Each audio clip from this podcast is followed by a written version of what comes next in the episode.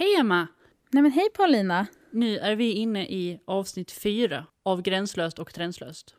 Det är så roligt. Bara det här att vi idag ska testa på att ha mest fokus på den trendslösa delen inom situationstecken och inte bara gränslöst som, som de tre första avsnitten kanske har mest gått i. Mm. Jag är supertaggad.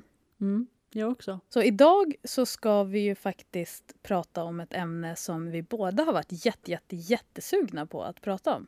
Eller hur? Ja, alltså det är ju någonting som vi har velat prata om länge egentligen, men eh, det var ju först nu när din story kom upp som vi faktiskt kom in på det här spåret nu, att vi ska prata om det i det här avsnittet. Vad var det som, som fick oss att komma in på det här? Du kan väl berätta lite om din story för de som kanske missade den. Nu kommer jag inte ihåg exakt när det var faktiskt, men det var ju inte så länge sedan som jag själv fick en uppenbarelse och då delade med mig av det på stories på Instagram och fick jättemycket respons på de här eh, inläggen. Och då blev det ju så givet att det var dags att ta det här ämnet på en gång.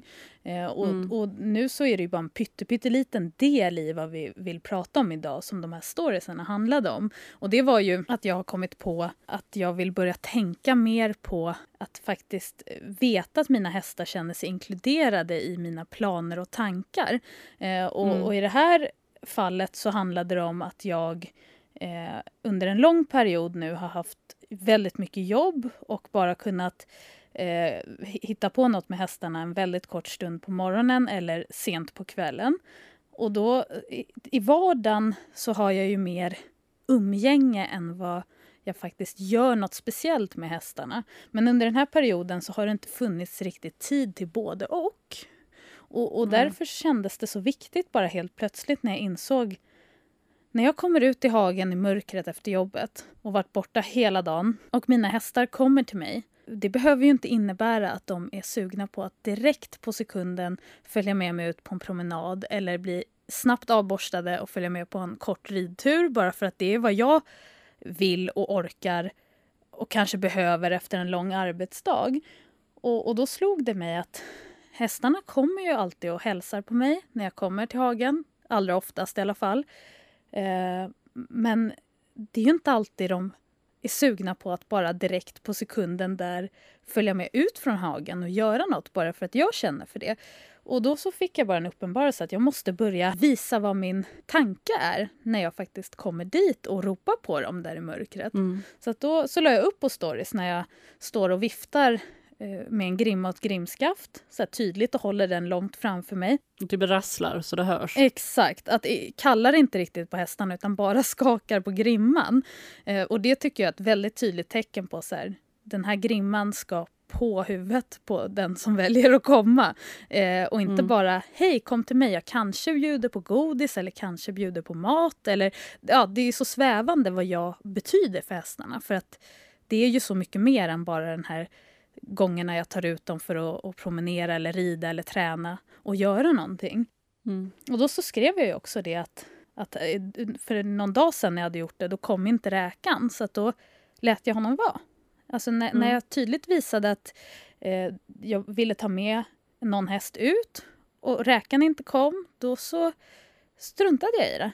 Och ja, det var väl egentligen det jag la upp på storiesen. Att, ja, det var mitt nya sätt att börja tänka med, runt hästarna. Vad fick du för svar då? Mest eh, att folk bara, gud vilken bra tankeställare. Alltså jag har aldrig tänkt på det förut och, och att det är så sant. För jag la även till på, på sista av de här storiesarna att eh, jag ofta blir så ledsen över att man i regel inte lägger mer tanke på hur hästen möter en i hagen framför allt och Mm. allmänt. Liksom att man lägger ofta inte så mycket energi. Ifall hästen vänder sig om när du är på väg mot den med grimman så bara ja, ja. Man sätter på grimman och sen bara hej gullet, jag har saknat dig idag. Och sen bara fortsätter man med vad man tänkte göra. Ta in hästen och börja göra ordning den för ett träningspass. Men den lilla signalen är ju en väldigt tydlig och viktig signal. Alltså Mm. för mig. Och det var väl det jag bara spontant delade med mig av och fick väldigt mycket respons från både folk som själva ville börja eh, testa liknande och eh, som bara tyckte att det var intressant eh, att se på. Mm. Och det, det var ju Alltså när vi diskuterade det sen så var det ju givet vad vi skulle ha för avsnitt den här gången. Mm, det, kändes, det kändes som ett väldigt viktigt ämne. Och vi båda kom ju fram till det att, att det, man lägger väldigt mycket fokus och, och, så på själva träningspasset. Men det man måste tänka på också är att, att träningen eh, börjar ju egentligen sekunden som, som hästen får syn på dig. Redan där börjar ju hela träningspasset och om passet då börjar med att hästen vänder sig om och inte vill följa med, då, då är det någonting som är snett som man kanske behöver utreda lite mer. För vi sa ju det också, tänk om vi skulle dra det här som en parallell till, till en människokompis. Tänk, om, tänk om jag har en kompis och jag bara shit den här kompisen, tänk om, tänk om vi bodde närmare varandra du och jag. ja, ja. Du sitter hemma, myskläder, jättetrött efter jobbet och jag bara shit alltså jag vill umgås med Emma idag jag vill så gärna vara med Emma idag. Så jag går hem till dig och, och knackar på. Och du bara, ja, alltså jag, jag orkar nog inte riktigt dra, stänger dörren igen. Om jag då hade brutit mig in i ditt hus och sen liksom försökt sitta där och titta på film med dig, hade det blivit en trevlig stund? Hade, hade, hade du då som... alltså ingen av oss hade ju egentligen fått ut någon riktigt trevlig stund, för du hade ju suttit där och tänkt att jag vill inte vara med henne just nu. Och jag hade ju bara varit den enda som nog hade lite kul om jag hade det. Och sen hade ju vår relation kanske inte varit jättebra om jag bröt mig in i ditt hus och tvingade dig att umgås med mig hela tiden. Då hade ju kanske inte du haft så jättestarka och positiva känslor mot mig. Och lite så blir det ju om man, om man tränger sig på hästen i hagen och tvingar den att umgås.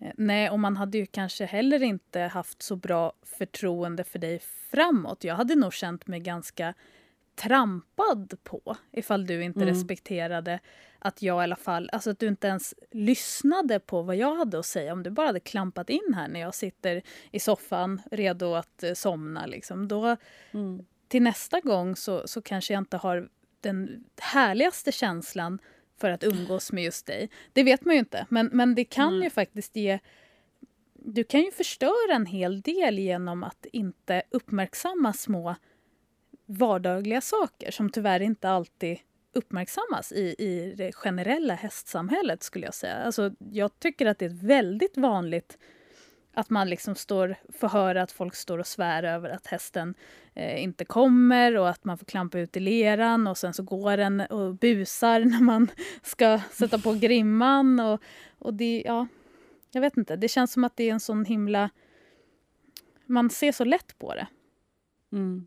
Och både du och jag, som vi pratade om innan, innan vi började eh, spela in det här avsnittet, så sa vi det att både du och jag har erfarenhet av att vara de personerna som, som försöker få tag i våra hästar och som till och med ibland lurar de här hästarna ut. Eh, så det är inte så att vi är perfekta på något vis, utan att vi snarare har lärt oss av det. Och det är tack vare det som gör att vi ser annorlunda på det idag. Så känner i alla fall jag. Ja, alltså jag tror att det, det slog mig. Jag drog en parallell för mig själv. Jag hade ju mer fokus för några år sedan på ridning och, och själva grenarna inom ridning. Och jag fick mm. alltid höra av alla tränare och av alla andra också att till exempel en dålig galoppfattning, du kan aldrig få en bra galopp ur en dålig galoppfattning. Alltså träna på mm. galoppfattning istället för att bara galoppera runt och försöka förbättra galoppen. För att få en bra mm. fattning så får du även en bra galopp. Och då drog jag lite samma parallell till oh, jag kanske inte kan få ett jättebra umgänge om jag inleder med det absolut första med en dålig start. Och att jag inte mm. lyssnar på, på, min kompis, vilket i det här fallet är en häst. Och att jag inte liksom tar till mig eller lägger ens en liten tanke på eh, vad hästen faktiskt säger eller inte kommunicerar med mig. Det kan ju vara så att hästen bara helt ignorerar mig och, och fokuserar mm. på något eget. Att man fokuserar mer på att det är ett problem, inte vad det eventuella problemet skulle ha kommit ifrån. Att till exempel varför mm. sticker min häst ifrån mig när jag kommer? Istället för att tänka gud vad min häst är jobbig som sticker ifrån mig när jag kommer. Det är ju lite det där, alltså allt har ju en bakomliggande orsak och det behöver inte vara något jättedramatiskt. Det behöver inte vara att hästen inte tycker om mig som ägare eller människa. Utan det kanske mm. bara helt enkelt är så att jag inte har något just där och då att tillföra. Alltså flocken och hagen och foder och frihet är mycket, mycket mer värt än eh, att jag kommer att ta på en grimma och ta bort allting som hästen kanske föredrar framför mig och min träning. Vilket jag tycker är fullt förståeligt. Men någonstans så tror jag ju ändå att man... Det, det första, som du säger, det är ju början av träningspasset. När du möter mm. din häst i hagen. Eh, och det känns inte riktigt som att du kan få ett umgänge eh, som är på, på ett kul sätt för både häst och människa ifall du har behövt jaga din häst i 20 minuter först och tvinga in den i stallet.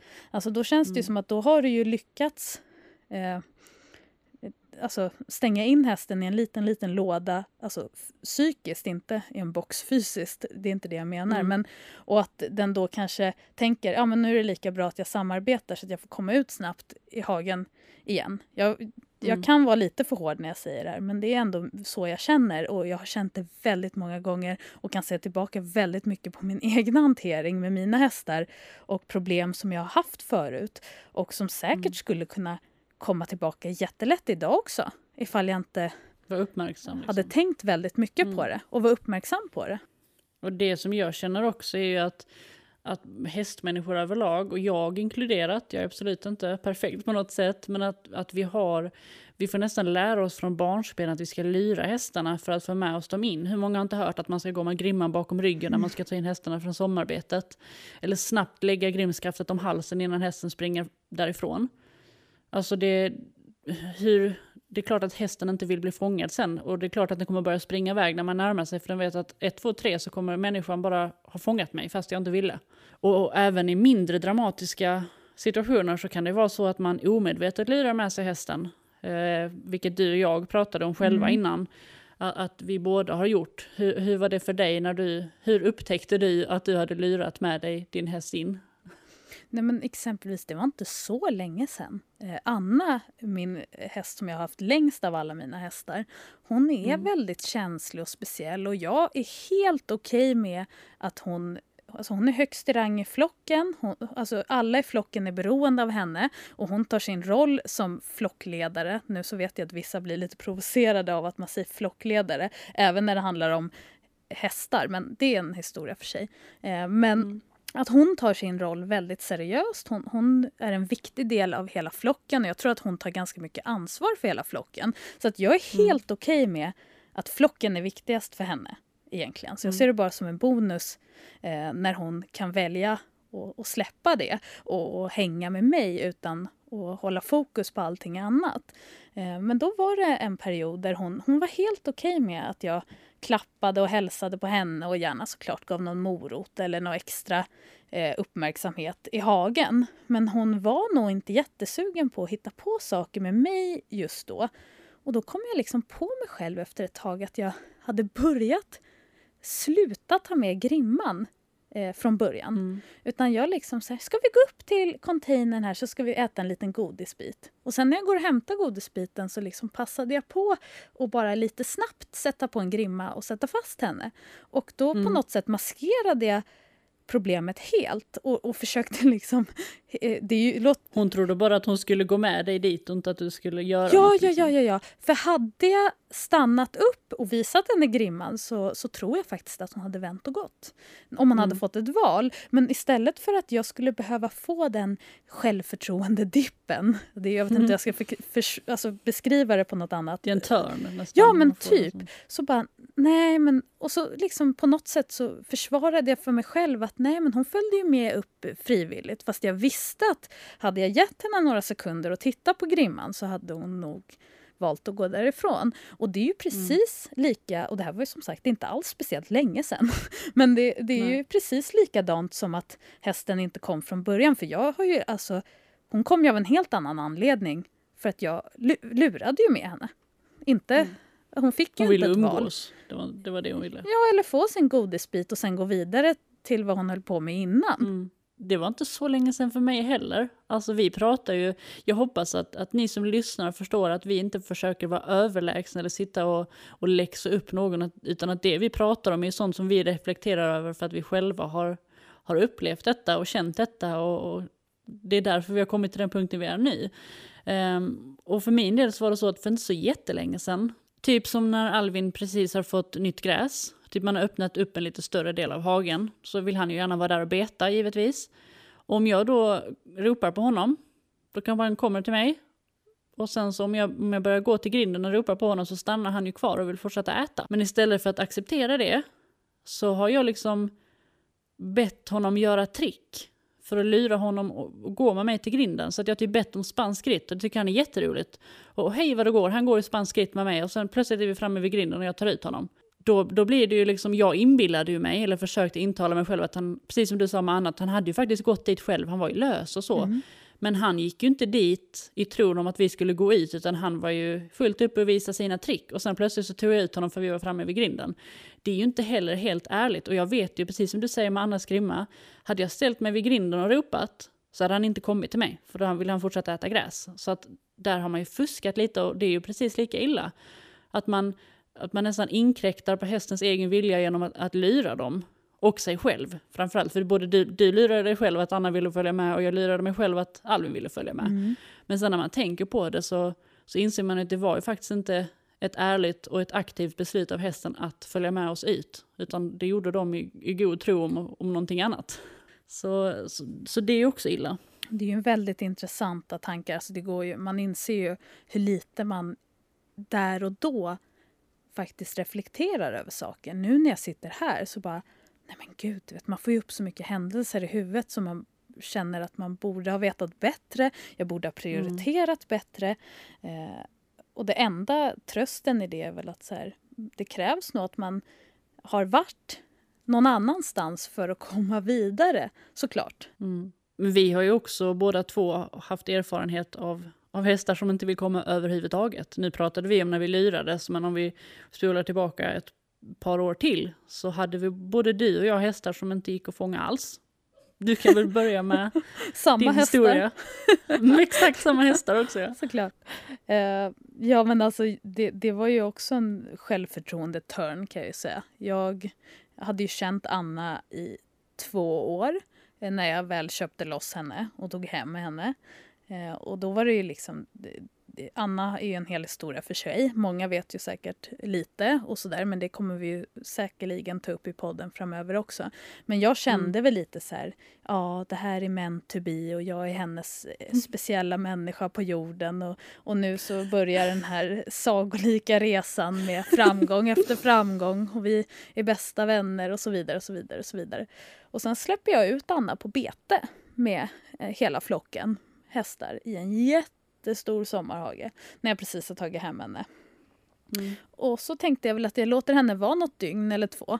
Sen när jag väl ska ta in henne för att jag tänker att vi ska börja umgås kravlöst och ha det trevligt jag och Anna så tänker jag att jag förebygger alla möjliga scenarion. Så jag har med liksom en hink med kraftfoder och, och har liksom tagit in hennes favorithästkompis också. Och sen så står jag där och skramlar med min hink. Och alla andra hästar kommer fram och vill smaka. Eh, Anna tittar inte ens upp, utan hon står längst bort och betar i hagen. Och jag tänker så här, ja, ja, jag har inte hela dagen på mig. Jag går och möter henne lite grann. Och börjar liksom mm. traska ner. Anna, Anna, kom där lilla gumman. Hon tittar upp och vänder och går. Och jag bara, nej, nej. Och sen så eskalerar ju till sist blir jag ju både irriterad och stressad och upprörd och liksom, äh, men nu, nu får det komma. Försöker liksom hinna ikapp henne och faktiskt tränga in henne i något hörn men det går ju inte. Det var en stor sommarhage åt alla håll som sagt. Jag hade mm. ju inte en chans. Och hon visade väldigt tydligt att hon kommer inte följa med mig då. Jag tänkte ju att det var ju lugnt. Men dagarna gick. Och hon ville inte komma in efter det heller. Och sen så skulle hon in till en hovslagartid. Eh, och det blev inga nya skor. och, och till sist så fick vi prova att ta in alla andra hästar. Hon, alla hästar var inne i stallet. Inga hästar var ute. Och Anna stod ute helt själv i, i vad jag tror säkert var ett dygn. Men hon eh, kom inte in i alla fall när jag kallade på henne och öppnade, jag öppnade grinden och liksom tänkte att hon får springa in i stallet. Men nej, hon gick där i godan ro och betade. Så fort jag närmade mig så vände hon och gick åt andra hållet.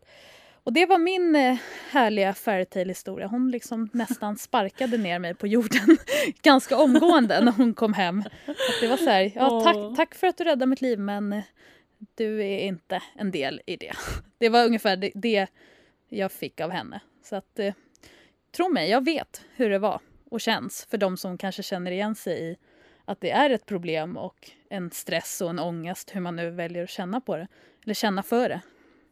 Alltså jag känner igen det. Och sen så när man går ut där, man har så här glädje i bröstet. Man bara åh, idag är första dagen av vårt liv, min nya vän kom här. Och sen så bara nej.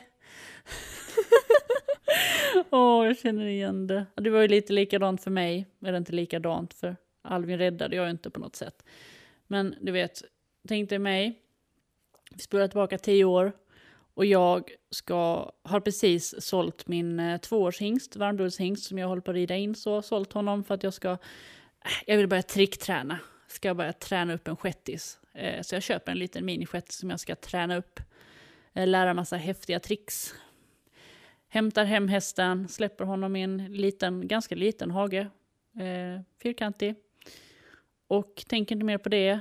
Och börjar göra planer så för vi ska träna. Går ut i hagen. Och jag kan alltså inte fånga den här lilla hästen. Kan du tänka dig mig? Alltså jag var så självsäker. Åh, jag köpte den här lilla hästen skulle bli så lätt. Alltså jag kunde inte ens fånga honom. Han gick i en liten hage, en liten hage och jag kunde inte få tag i hästen. Alltså jag skämdes ihjäl, jag skämdes ihjäl. Vi fick hämta in alla andra hästar i stallet.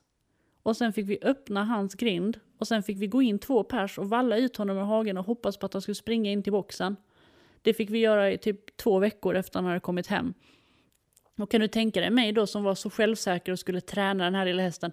Alltså jag kunde inte ens fånga honom. Och, och inte nog med det. Jag kunde inte ens borsta honom. Första dagen jag försökte borsta honom i boxen så gick han omkull. Och jag bara, alltså mitt självförtroende bara pff, rätt ner jag, jag var så självsäker, jag trodde så mycket på att det skulle bli så bra och så kan jag inte ens fånga honom. Förstår du hur pinsamt det är när man har skrutit för alla att bara ah, jag köpte en liten häst jag ska trickträna och de bara ska komma och titta på den och så kan man liksom inte ens klappa den. Jag fick samtal från stallägarna flera månader efter, efter jag väl hade börjat kunna fånga honom. Så kunde de inte ta in honom så jag fick cykla upp och ta in honom själv. Alla andra de fina dyra dressyrhästarna i stallet, inga problem. Min lilla minishettis, nej. Så att det var eh, också en, ehm, en törn för självförtroendet och man kände sig inte superduktig där och då. Men det var ju nyttigt i slutändan. Så att både du och jag har ju erfarenhet av hur det känns av att stå där med, med grimman och hästen som springer åt andra hållet. Verkligen, för det finns ju hästar som är födda med att springa fram till människor och det är ju jättekul. Och de mm. är ju nästan, om man kommer in på ett helt, ett helt annat tankesätt, det är ju nästan mer utmaning som du och jag vet med Alvin och Anna, det är ju de hästarna vi har tagit i, i båda de här exemplen som vi berättar om mm. nu.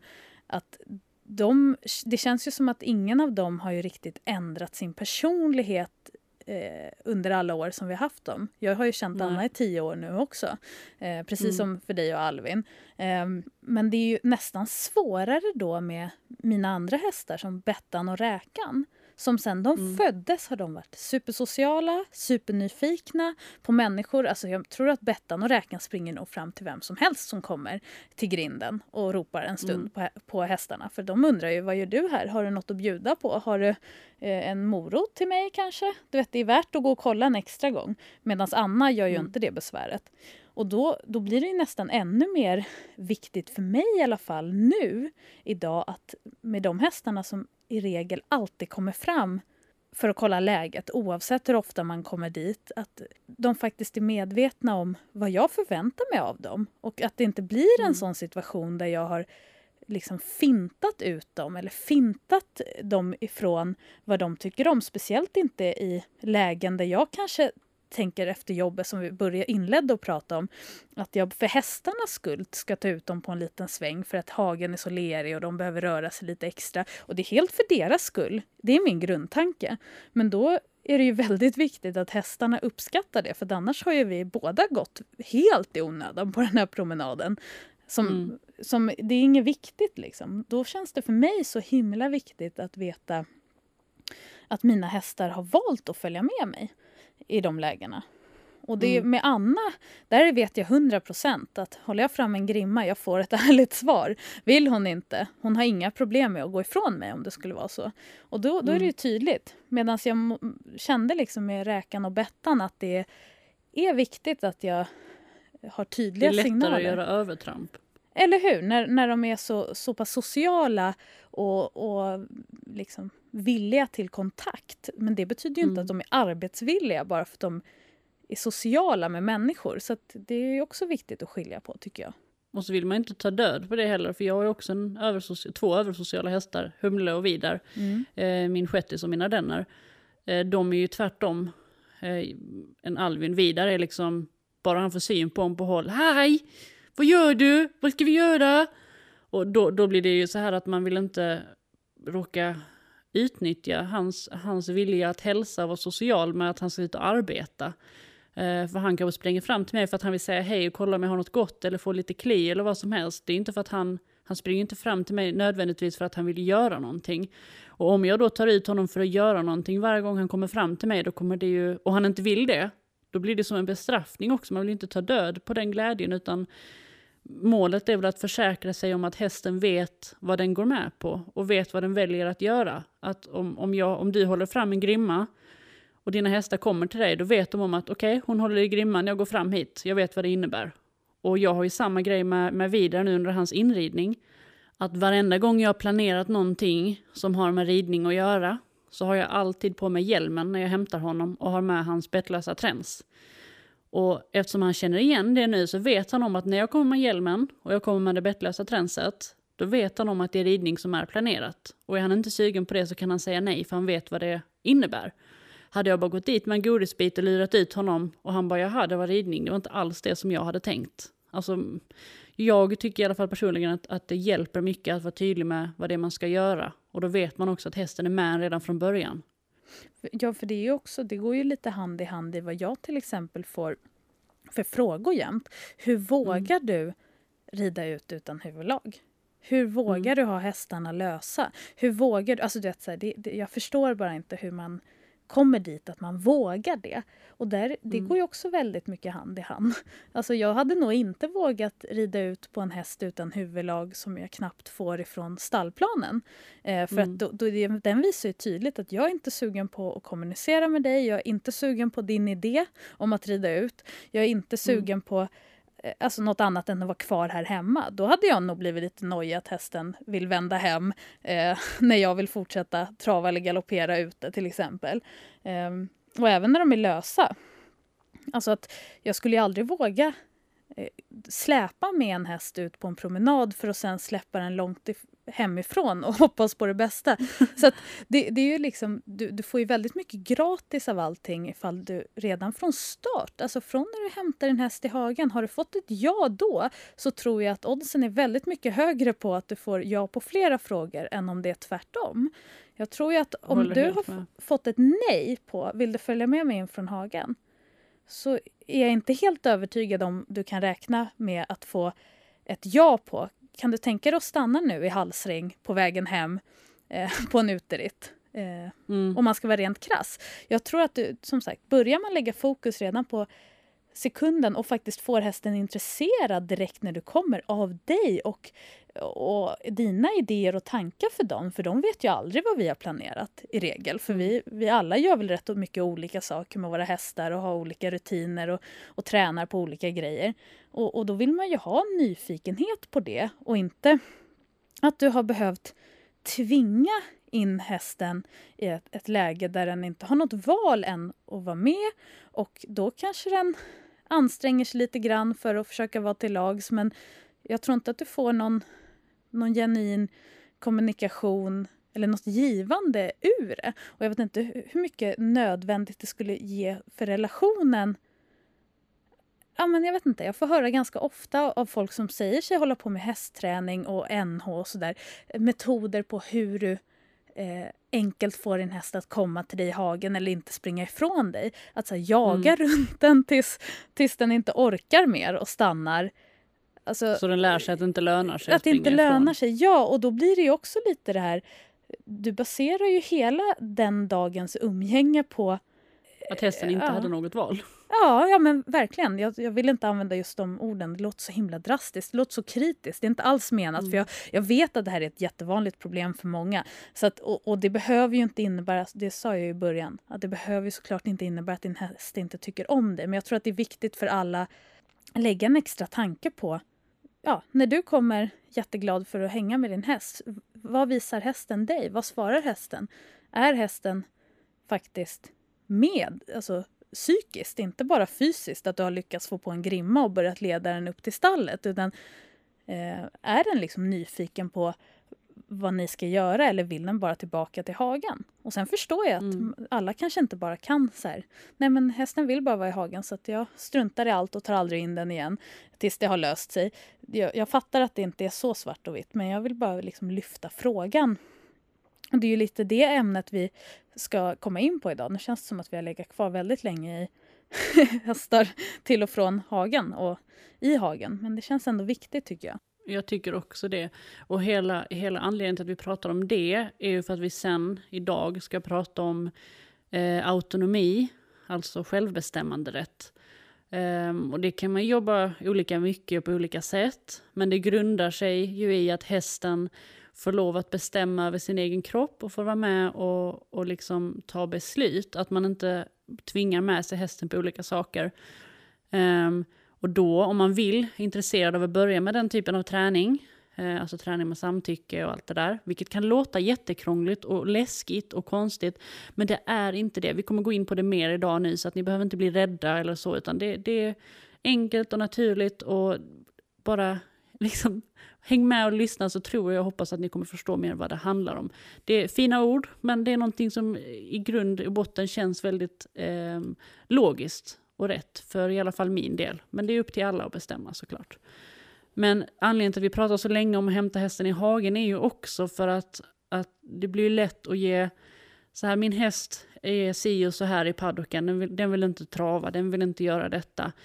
Um, och, och, hur många råd man än ger på hur man kan förbättra träningen där, så kommer det ju, precis som det du sa om galoppfattningen, får du inte en bra fattning så kommer du inte få en bra galopp. Och, och, får du inte ett bra första möte med hästen och ni inte kommer överens och kan, kan möta varandra med glädje där, så blir det ju betydligt lägre odds att resten av träningen går bra. Så att, att man kanske tar en titt på, på det första mötet med hästen. Hur kan jag göra för att göra mig själv roligare och mer intressant? Vad kan det vara som gör att min häst inte vill komma till mig idag? Att man kanske tar den där extra tiden och funderar lite på, på hur man kan ändra saker och ting och hur hästen faktiskt känner. Och det vi också ska komma in på lite senare är ju eh, något som kallas för startknappar också.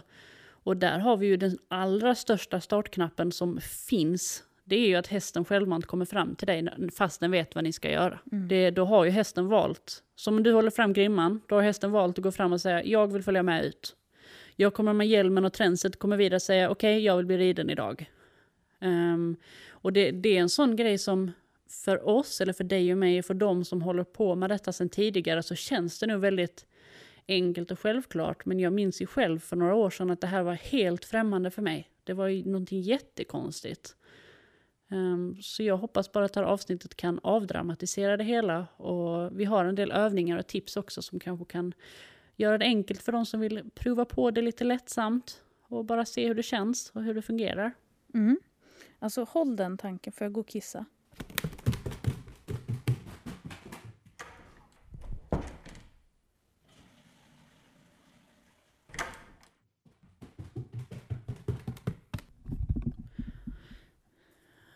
Så, nu har vi varit på toaletten. Vi är redo att sätta igång igen, eller hur? Mycket redo. Vart var vi någonstans?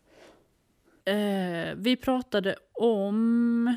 Jo, att vi vill att hästens egen vilja... Liksom, vi vill ta hänsyn till vad hästen vill och vi vill att hästen ska ha roligt när vi tränar med den. Så därför tänkte jag fråga dig, du får börja för att jag det är skönare, du får börja. Okay. Så jag tänkte fråga dig, hur, hur ser det ut rent praktiskt för dig? Hur ser du till att hästarna är med på det du vill göra? Alltså jag jobbar ju inte alls på samma sätt som jag har förstått att du gör med, med till exempel startknapp. Ännu i alla fall. Det intresserar mm. mig väldigt mycket faktiskt. Att inkludera det mer och mer eh, i allt umgänge med hästarna. Men så att jag är ju egentligen kanske inte något proffs i det här ämnet. Men det är ju fortfarande intressant att prata om. Jag har ju dock väldigt så stark filosofi att jag aldrig på mina egna hästar ska behöva tvinga en häst att lämna stallplanen för en ridtur. Det är ingen ridtur jag eh, ser någon glädje i överhuvudtaget. om jag har börjat med att i en kvart övertala hästen att följa med mig ut, då tror inte jag jag hade tyckt att det var speciellt givande och roligt, även om hästen sen gick på resterande bit av, av utritten. Liksom. Och samma som där med hagen. Att jag, det är väldigt viktigt för mig att hästarna har valt att komma till mig och vara med mig från början för att jag ska ha glädje av umgänget. För att annars är det ju väldigt enformigt. Det är samma, jag skulle inte vilja umgås med en människa som har bett mig att sluta höra av mig och inte komma och hälsa på och inte eh, störa. Liksom. Då, då, hade jag ju backat undan. Och på samma sätt känner ju mm. jag med mina egna hästar att... Eh, jag vet inte. Det, det, är väldigt viktigt för mig att vi umgås. För att annars så, så mm. finns det ingen vits. Det blir väldigt ensidigt. Alltså, om det bara är den ena som hela tiden vill någonting med den andra och den andra inte vill någonting tillbaka. Det blir ju det blir inte skoj alltså. Det blir Nej, det inte. Verkligen. Och tyvärr ser man ju det ofta. Tyvärr så tror jag inte att det är någonting folk vill, men att många kämpar med det, att de inte riktigt vet hur, hur de ska få hästarna mer intresserade. Nej, men och det är ju samma som jag, jag tycker är väldigt kul att hoppa. Eh, alltså grenen mm. hoppning tycker jag är väldigt rolig. Eh, men inte med en häst som inte vill hoppa. Och det handlar ju inte om att man har eh, liksom tvingat den till att hoppa för annars så får den en pisk i rumpan eller annars så, alltså att det inte finns något val. Utan jag tycker faktiskt inte att det är roligt att på sikt, det är klart att en häst kan vara osäker från början och sådär, alltså det, det säger jag ingenting om. Men om någon av mina hästar hade börjat stanna på hinder för att de faktiskt är less på att hoppa, då har jag svårt att se att jag skulle fortsätta med det. För att det, det mm. ger inte mig något. För jag tycker att det är kul att hoppa med en häst som tycker det är kul att hoppa. Att, att driva fram en Precis. häst till hinder, det, det, ger inte mig alls någon glädje faktiskt. Det, då blir det mer ett måste och ett jobb även för mig. Och det ska det ju inte vara längre. Jag har kommit ifrån det. Jag har inte hästar för att prestera någonting med dem. Jag har dem för att jag de ger mig så mycket glädje. Och det är så mm. jag tycker det är absolut viktigaste. Så även om jag inte jobbar med specifikt några specifika start och, och stoppknappar och, och, att de har eh, ett eh, visst kommando för att säga nej eller ja så tror jag att jag lägger ganska mycket vikt, jag hoppas det i alla fall, att på det mesta att jag har en tanke på att i grund och botten så är det här något som gynnar oss båda. Sen är det klart att jag tror att mycket av min träning är fortfarande mest för min skull. Men att jag hoppas att det hela tiden utvecklas åt att det blir lika givande vad vi än gör för hästarna. Och att de i alla fall åtminstone känner att det på något sätt var givande att följa med mig ut från hagen. Eh, och även om det är mina idéer mycket jag gör med mina hästar så, så strävar jag hela tiden efter att de ska vara mer och mer inkluderade på riktigt och att vi båda ska komma tillbaka nöjda och glada och inte att jag kommer tillbaka nöjd efter ett träningspass och hästen bara känner äntligen får jag gå ut till mina hästkompisar igen. Det är klart de ska tycka om att vara med sina hästkompisar men, men att jag kan få vara mm. en kul del i deras vardag och inte bara att de ställer upp för att de inte har ett annat val. Det, det är viktigt Precis. för mig. Eh, men jag är väldigt nyfiken på hur du jobbar nu, alltså med mm. allt i ämnet. Alltså, jag har ju haft samma tänk där i, flera år och aldrig riktigt haft något behov av, att dra det längre. Men sen när jag fick vidare då, eller köpte vidare mina ardenner, så, så blev det... Han, har, han är ganska komplex och han har haft en del problem med mataggression och så. Så att det föll sig ganska naturligt att vi behövde hitta ett sätt att kunna kommunicera mer alltså rakt. Att jag verkligen kunde vara säker på vad det är han säger till mig. Istället för att typ gissa och försöka tolka och så. Så därför så började jag med någonting som kallas för startknappar. Och första gången jag hörde det så tänkte jag bara shit det här är ju mega svårt, det här går aldrig. Um, men själva grundtanken med att använda startknappar, det är att hästen ska vara i kontroll över vad som sker. Och att hästen är den som säger till att nu kan du göra detta, eller nu vill jag inte göra detta.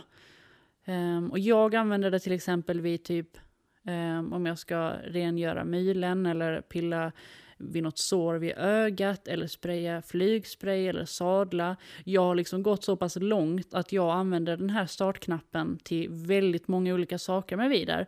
För att alltid vara säker på att han vill. Men Sen så är det så att du behöver inte använda det i alla situationer till allting, utan du kan välja bara en specifik situation. Att just här vill jag använda en startknapp och hästen kommer förstå att det bara, bara här just det gäller. Ehm, så vill man prova det så, så behöver man inte känna som så att man måste vara tvingad att använda det till allt hela tiden, utan det går bra att bara ha det till någonting Eh, kanske sätta det att man använder det i den här situationen men inte i den andra. Men för min del så använder jag det alltså vid sadling, uppsittning, eh, kratsa och verka hovar, pilla på sår i ansiktet, eh, smeta på så här flygkräm runt ögonen, flygspray och eh, kort och gott så är det så att jag håller fram och visar vad det är jag vill göra och jag frågar vidare, får jag lov att göra det här? Och då säger han antingen ja det får du, eller så säger han nej jag vill inte. Och hela, hela grundgrejen med det här är alltså att jag ska ha tränat honom och byggt upp det här så pass sakta och så starkt att han inte säger nej för att han har inget behov av att säga nej för han tycker inte att det är obehagligt eller jobbigt. Så att om um, han säger nej, du har plan vi säger så här, mm. du har varit planerat att du ska rida idag, du har Marcus, din man, är med och ska filma för första gången på mm. jättelänge, som han har en lucka. Och du vill sadla och Vida säger nej. Bara struntar mm. du helt i det då eller frågar du igen senare? Eller hur funkar det? Är det håller du det 100 procent? Eh, alltså om han skulle säga nej, om man nu leker med tanken, vad, mm. vad, hur agerar du då? Eh, då behöver han inte. Eh, sen kan det vara så att jag frågar igen, för att ibland så kan, de få, kan jag få ett nej för att hästen kanske är lite stressad över någonting som lät där borta eller en häst som springer i hagen. Ibland kan det ju vara förvirring. Men eh, jag frågar en gång till, max. Är det nej så är det nej. Men det roliga med det här är att folk är alltid så brydda över vad händer om hästen säger nej och så. Men alltså jag ska vara helt ärlig och säga att de beteenden som vi har tränat in, jag, jag får inte nej. Jag vill säga så här, nästan aldrig nej. Men jag har alltså inte fått ett enda nej. Förutom när jag typ har gjort fel eller gjort, alltså förvirrat hästen eller råkat göra ett övertramp. Um, och jag tror det ligger i att hästen inte känner något behov av det. För att jag har byggt upp beteendet så pass mycket så att det bara är förknippat med någonting trevligt. Han säger inte nej till när jag kommer med sadeln för att han vet om att han, han tycker det är trevligt. Och det som har varit jobbigt med sadling tidigare är ju att någon har gjort det mot hans vilja. Detsamma med flygspray. Vidar brukade vara jätterädd för, för flygsprayen. Bara han såg att jag höll den så gick han iväg. alltså när jag mm. kom i hagen och skulle spraya. Han gick. Och i början då, då fick jag ta på grimma och hålla honom. Och så fort jag tog på en grimma och grimskaft då stod han ju stilla. För att han, han är artig och har blivit tränad till att stå still. Men så fort grimman inte var på så gick han ju. Så då fick jag reda på att han egentligen inte ville. Um, men sen jag började med startknappar så står han som ett ljus. Och, och, det är ju för att om man tänker på vad det är, alltså att få flygspray på sig, det är ju inget läskigt i sig. Tänk dig själv att du har en vattenflaska och, och du sprayar dig själv i ansiktet med så här lite fint, ehm, sådana fina droppar. Det är ju ingenting som är varken läskigt, det gör inte ont eller någonting. Men om du sitter och chillar i soffan och någon plötsligt går förbi och sprayar vatten i ansiktet på dig så är inte det så jättetrevligt. Så det som var jobbigt var ju att det skedde utan hans samtycke. Mm. Så fort han fick lov att ha kontroll över när och hur det gjordes då var det inte läskigt längre och då har han ingen anledning att säga nej. Um, så när jag ska spraya honom med flygspray så tar jag fram flaskan, jag håller ut den i luften och om han sätter mylen på flaskan så säger han ja du får spraya och då sprayar jag och han står helt still. Och det är ju för att han vet om, han vet om att om han inte sätter mylen på flaskan då kommer jag inte att spraya. Alltså behöver han inte gå iväg bara för att han ser flaskan för han vet om att han är den som kontrollerar när sprayen kommer. Um, och, och, då vet han, okej okay, nu står jag här, nu är jag redo, nu får du spraya mig. Och så sprayar jag och allt är chill och han får en liten godisbit efter som tack. Och, och, så de beteenden som vi har tränat in med startknapp, de beteenden som folk alltid bara, men gud, tänk om han säger nej, vad gör du då? Jag bara, alltså, jag har inte kommit dit än för att han har inte, inte sagt nej. De enda gångerna han har sagt nej är för att jag gått för fort fram eller typ missat en signal där han egentligen sa nej. Um, men jag har, jag har inte upplevt något nej än. Jag har inte det. Och säger han nej så får jag respektera det, för det är ett löfte som jag ger med de här startknapparna. Så säger jag ju, jag kommer inte att göra detta mot dig om du inte tillåter mig. Um, så därför väljer jag också situationerna noga. Är det någonting som jag absolut måste göra, låt oss säga att han har en tendens att få mugg. Mm. Eh, och jag vet om att han kommer, i, i, i december sen kommer han ha ont i karlederna, jag kommer behöva tvätta oavsett vad. Då känns det ju dumt om jag i juni lär honom att jag kommer absolut inte röra dina ben om du inte vill. För vad händer sen om han har ont och inte vill bli rörd och jag absolut måste tvätta? Då har jag förstört förtroendet. Um, sen så tror jag, jag har hört om många som har hästar som har haft sår, där det har gått betydligt mycket enklare och bättre att rengöra med startknappar. Uh, så att det behöver inte vara så att, att de slutar fast det gör ont. Um, men att man ändå funderar lite över vilka situationer man, man väljer för att det är ändå ett löfte man ger. Eh, Vida hade en hovböld i, i somras. Eh, han tyckte det gjorde jätteont när jag skulle vara där och rengöra. Men jag, de gånger jag frågade först, för först gjorde jag det utan tyvärr, för jag tänkte inte ens på det. Jag bara, måste tvätta, du vet det här mänskliga rakt på. Eh, och då började han ju protestera, så då kom jag på att oj, jag har inte ens jag har inte ens frågat. Så jag höll fram den här sprayflaskan, för jag sprayade en, en, ett medel och sen torkade. Um, han duttade på den och då var det plötsligt helt okej. Okay. Och jag har lagt upp video på det på min Instagram också när, när man ser skillnaden när jag, när jag frågar först. Mm. Så, så ja. Men alltså då, jag har faktiskt en fråga som jag fastnade i sadlingen. Mm. Jag har inte tänkt på det här innan, mm. men jag som inte har tänkt så mycket på just start och stoppknappar. Men får jag bara dra en liten så brainstorming med dig nu Paulina. Alltså, mm. mina två ston, eh, Anna och Bettan, har tidigare varit ganska tjuriga när man har spänt sadeljord. Det var många, många år sedan nu i och för sig. Men eh, de har, vilket många nog känner igen sig i, alltså lagt bak öronen precis när man eh, drar jorden, när man ska sadla. Mm. Eh, och helt ärligt, i många år så tänkte jag, ja ja, det är ston. De är lite tjuriga och känsliga, så här, men det är ju inget mer än det. De gör ju inget mer än det än att, att dra bak öronen. Tills jag en dag liksom, mm. det slog mig så här, men någonting är ju fel. Varför lägger de bak öronen när jag lägger på sadeln? Och börjar, jag kommer inte ihåg exakt hur, hur det var med båda hästarna, för det var ju i olika eh, perioder jag kom på det med, med varje häst. Men eh, vad det var jag började tänka på, om det var kolla att sadeln faktiskt satt rätt, ifall alltså jag struntade i sadeln en period, jag tror det var så. Men åter till grejen, nu lägger de aldrig bak ett öra när jag lägger på sadeln mm. och drar jorden. Och räkan har aldrig någonsin gjort det heller. Eh, från, alltså, han fick en sadel första gången. Men skulle mm. de göra det idag, det var det som slog mig nu. Skulle Anna, Bettan eller Räkan lägga bak ens ett öra när jag spänner sadeljorden mm. så vet jag att jag skulle eh, lätta på jorden och ta av sadeln på en gång och börja fundera på vad sjutton nu då? Vad är felet? Vad är problemet? Och då undrar jag så här, mm är det typ som en stoppknapp om det hade hänt då? Alltså som jag inte har mm. tänkt på eftersom jag hade ju lyssnat på det om det problemet hade kommit tillbaka idag. Jag har inget bra svar på hur jag fick bort det, eller problemet. Men, men uppenbarligen så, så har de ju fått en trevligare inställning till saden, alltså under åren som har gått. Eh, mm. Men, och är det värt, alltså så som mina hästar är nu, alltså de som sagt som har varit tjuriga när man har spänt jorden oavsett vad det är för sadel och idag inte är det och att jag lyssnar på dem. Är det värt att jag tränar in en mer specifik, alltså som startknapp i det momentet. För jag hade varit 100% mm. beredd på att gå all in på det eftersom jag knappt rider med sadel. Så det hade inte gjort någonting ifall jag inte hade kunnat göra det heller på länge. Ifall jag hade fått mm. ett nej. Eller hur ska jag Alltså hur skulle jag börja? Nu så gick jag ju rakt på, jag vet att vi tänkte planera att ha något enkelt att börja med för alla men nu måste jag faktiskt få fråga för min egna del. Mm. För det, det är verkligen intressant. Alltså just med sadeln, du har ju från början ett eh, alltså en startknapp på det. Det har ju inte jag. Däremot så, så mm. vet jag att jag hade lyssnat på dem ifall de hade visat något missnöje i, i liksom momentet sadling nu. Men då kan det vara också att det redan har gått lite långt för att eh, fördelen med en startknapp är att du får informationen ehm, innan det går till en punkt där hästen måste säga ifrån. Eh, och sen är det inte alltid man behöver det, men det kan jag känna mig vid, framförallt som har haft tendenser till, till aggression och frustration framförallt.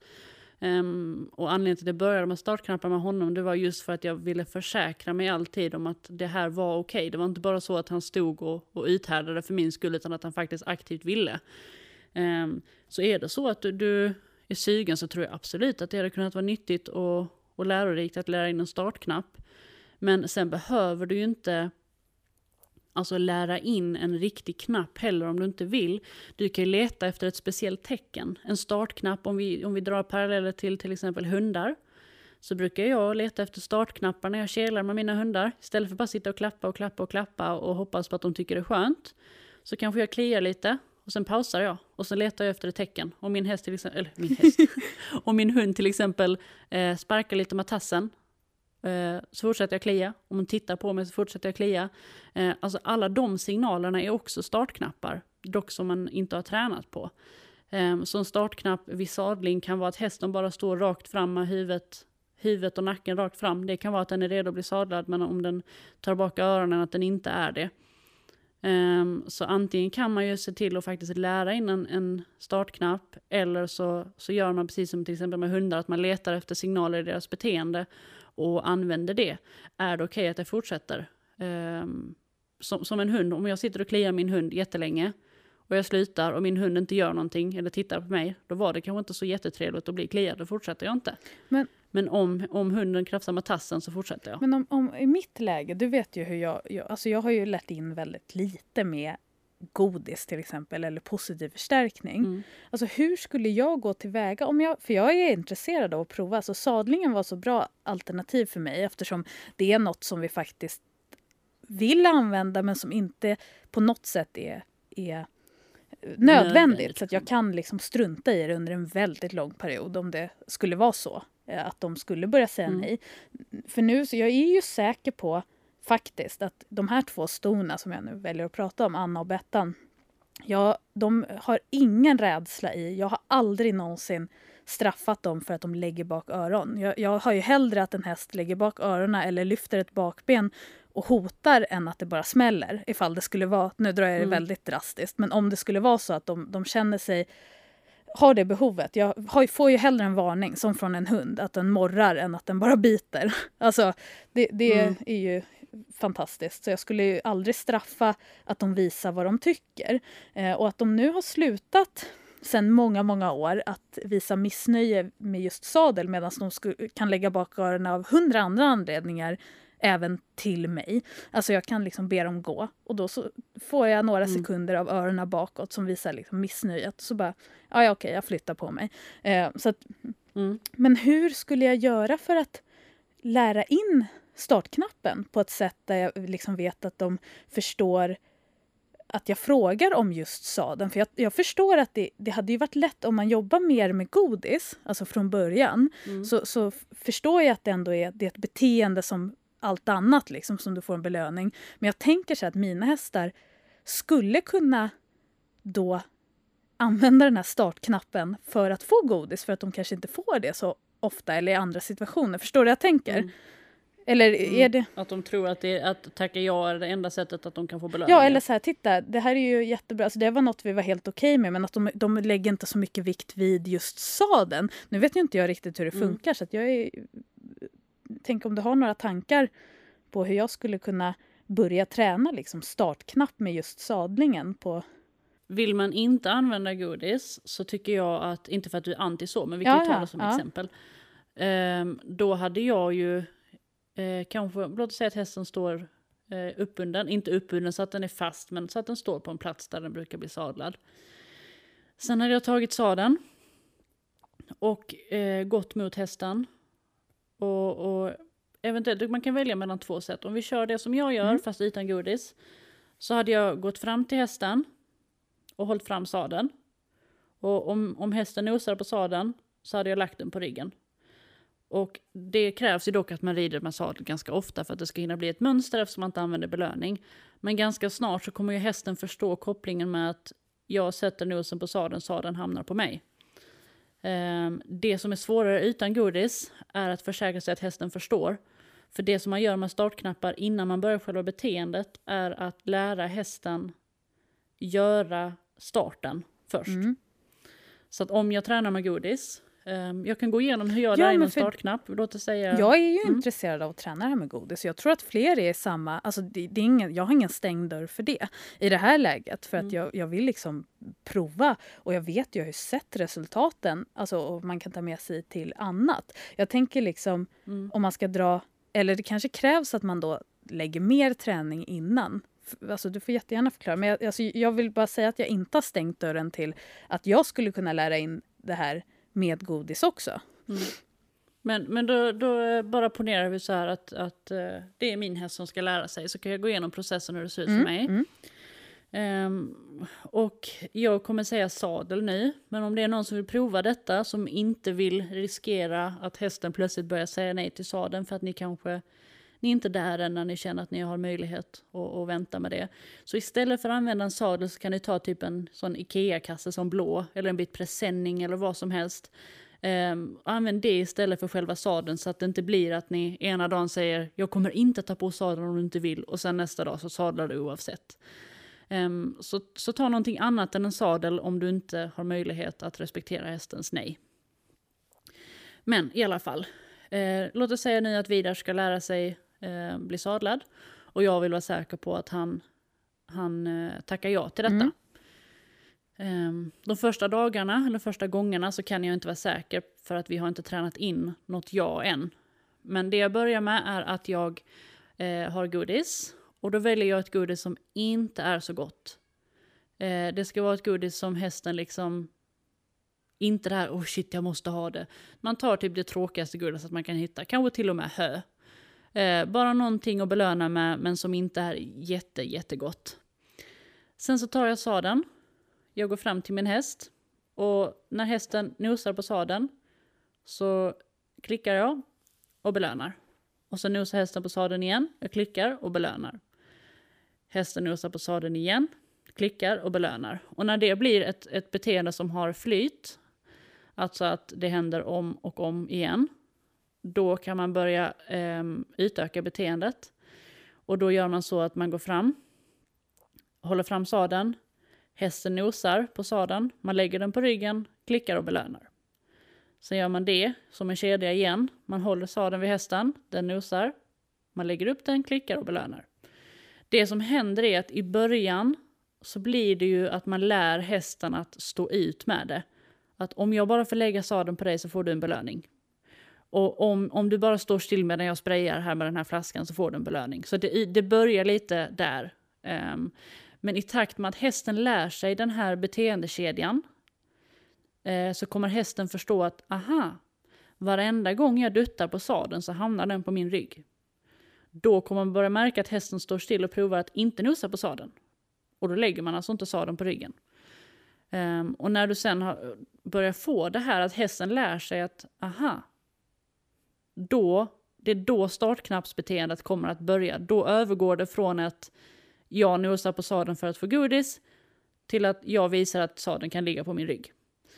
Um, och just i sadelscenariot så är det lite svårare att förklara um, själva tankesättet Det är enklare när jag pratar om typ saker som, som kan vara rätt uppenbart obehagliga, som flygspray till exempel. Att där så vet han ju direkt, alltså om vi byter ut sadeln mot flygspray, så när han nosar på flaskan så sprayar ju flaskan. Och tycker han då att det är jobbigt att flaskan sprayar, då kommer han sluta nosa på flaskan. Tycker han att det är jobbigt att få sadeln på ryggen, då kommer han sluta nosa på sadeln. Så, så det du gör är alltså att du först bygger beteendet, eh, det som du vill ha som startknapp. För min del så tycker jag om när han duttar på sakerna jag håller i, just för att jag kan visa dem för honom. Um, och det är någonting som vi inte gör annars. Det är inte så att han går fram till en sadel som hänger och börjar buffa på den. Utan jag går med saken till honom, han nosar. Sen lägger jag på den och spänner sadelorden så småningom då. Och så får han en belöning. Um, och om det är så att han känner obehag inför detta så har han ju precis lärt sig kedjan. Han nosar, sadeln kommer upp. Och vill han inte ha sadeln på sig så nosar han inte. Men... Och det låter, det låter jättekonstigt. Eh, jag trodde liksom själv när jag började att bara, det här är ju, det blir ju jättekonstigt. Men alltså det är så verkligen. Har jag gjort för mycket så, så, så tackar han inte ja. Med flygsprayen i början så hade jag missat någon signal att han sa nej, då, då sa han inte ja sen. Så det är, det är rätt fascinerande att de faktiskt förstår det. Man tror inte riktigt det. Men om vi säger i mitt scenario då, att som mm. Anna och Bettan som inte haft vad jag ser några tydliga problem längre alls med att jag lägger på en sadel eh, överhuvudtaget. Mm. Utan de, de är liksom, det är inget konstigt med det alls. Eh, om vi tar då att jag kör exakt samma, alltså kedjan, och de Mm. fattar det. Hur är jag då säker på att de ser det lika drivande att säga nej förutom obehaget? Förstår du vad jag menar? Alltså, Mm. Har man då speciellt... Alltså, om de till exempel skulle säga nej, får de då belöning för svaret då också? Eller bara ignorerar man... Alltså jag förstår ju, alltså även med, med all typ av hästträning är det ju lite typ manipuli. Alltså att du, du manipulerar ju Mm. dem till att göra det du ber om på ett schysst sätt eller på ett sätt som är Mm. typ tryck och eftergift eller till och med någon form av straff. Alltså det, det finns ju olika sätt att, att träna med djur. Ehm, och det jag menar är bara så här, hur vet jag till exempel att det är så 100 procent? Alltså tänk om de, de kanske ändå tycker att det är mer värt för belöningens skull att få sadeln på ryggen. Eller får de då, om Men de säger nej, ska jag belöna svaret? Eller ska jag bara belöna ja? Sen när kedjan sitter så brukar man ta bort eh, själva belöningen. okej. Ehm, s- som jag, till exempel, så har jag... Nu, nu brukar jag belöna sånt som är jobbigt. Just för att motverka obehaget. Mm, mm. Så om jag får lov att pilla i hans öra, vilket han inte gillar, eller ta på ett sår eller kleta på någon äcklig salva, då får han godis för att han ställde upp, för att jag vet att det är obehagligt. Men just med sadlingen, ehm, eller typ ta på grimma, där har jag också startknapp. Eh, uppsittning, där så brukar jag bara ha belöning för att lära in själva kedjan. Ehm, sen så tar jag bort belöningen. Ja, jag fattar. Så sen, sen så fasar jag ut den sakta så att när jag ska sitta upp, som nu, min startknapp är att han sänker nacken. Så jag går upp och ställer mig på stenen, för jag har en sten som jag hoppar upp Mm. ifrån. Eh, om han inte sänker nacken, då hoppar jag inte upp. Sänker han nacken så hoppar jag upp. Och det vet han om, för att han har ju lärt sig det att varenda gång han sänker nacken så flyger ju personen upp i sadeln. Ja, jag.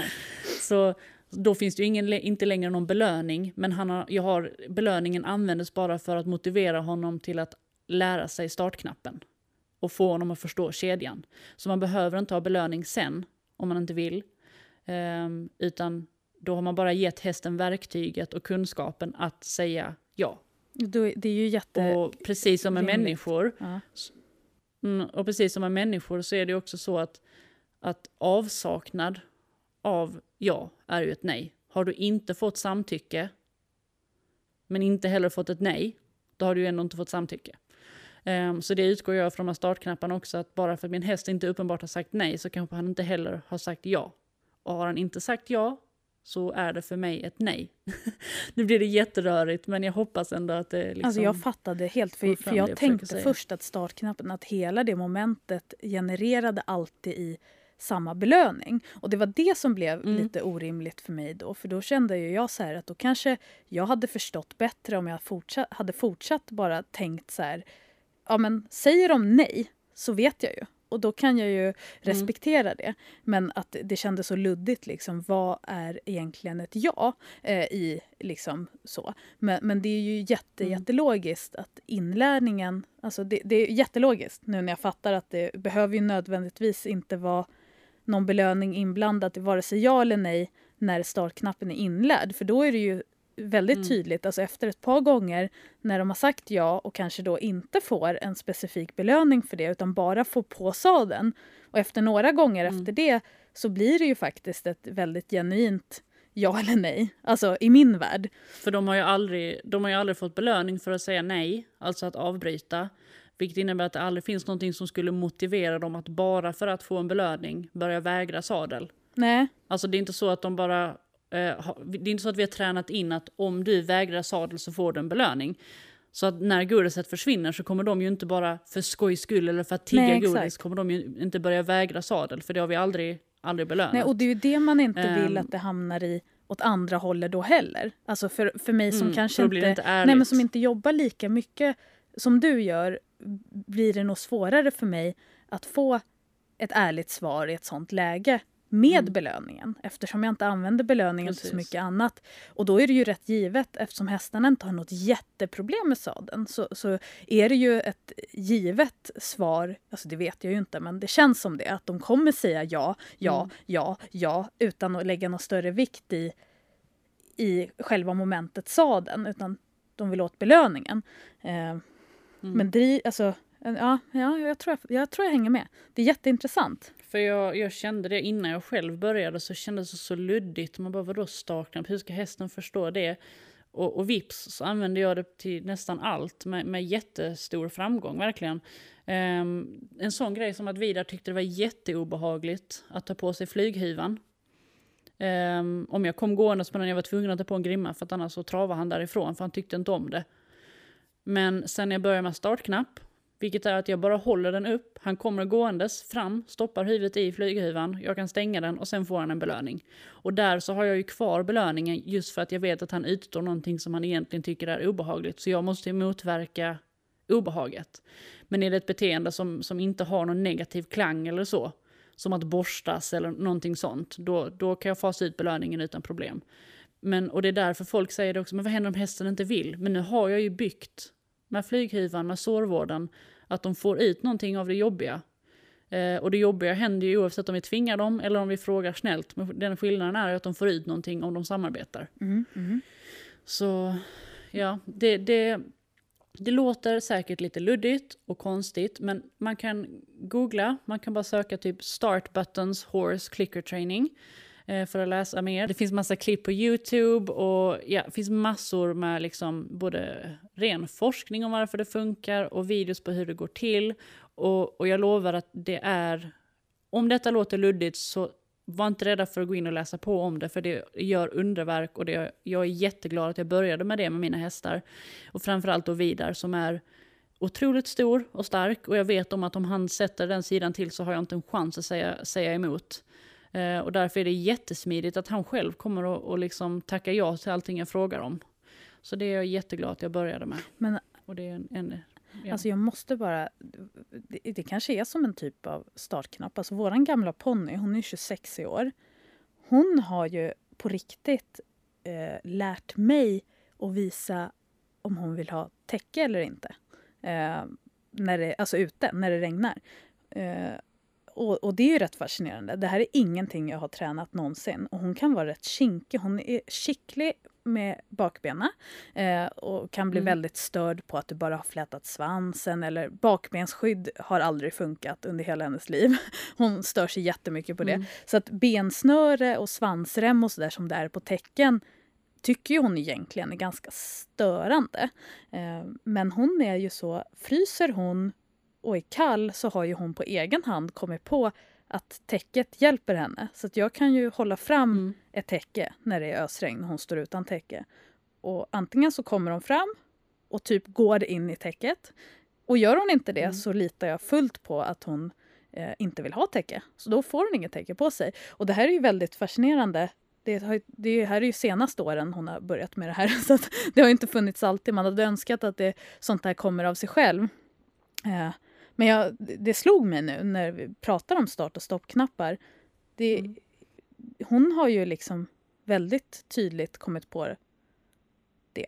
Det var bara, jag vet inte varför jag nämnde det. Alvin har exakt samma sak. Är det så? Alvin, eh, mm, han, går ju, han är ju en shetlandsponny, han har ju jättemycket päls. Men det händer när det regnar och är jättekallt och blåser. Han fixar inte det. Han har eh, för lite, jag vet inte om det är underullen eller vad det är, men jag har haft honom i tio år och det är likadant varje år. Trots att han går på lösdrift, trots att han har lång vinterpäls, han har fri tillgång på grovfoder, allt det där. Han blir kall.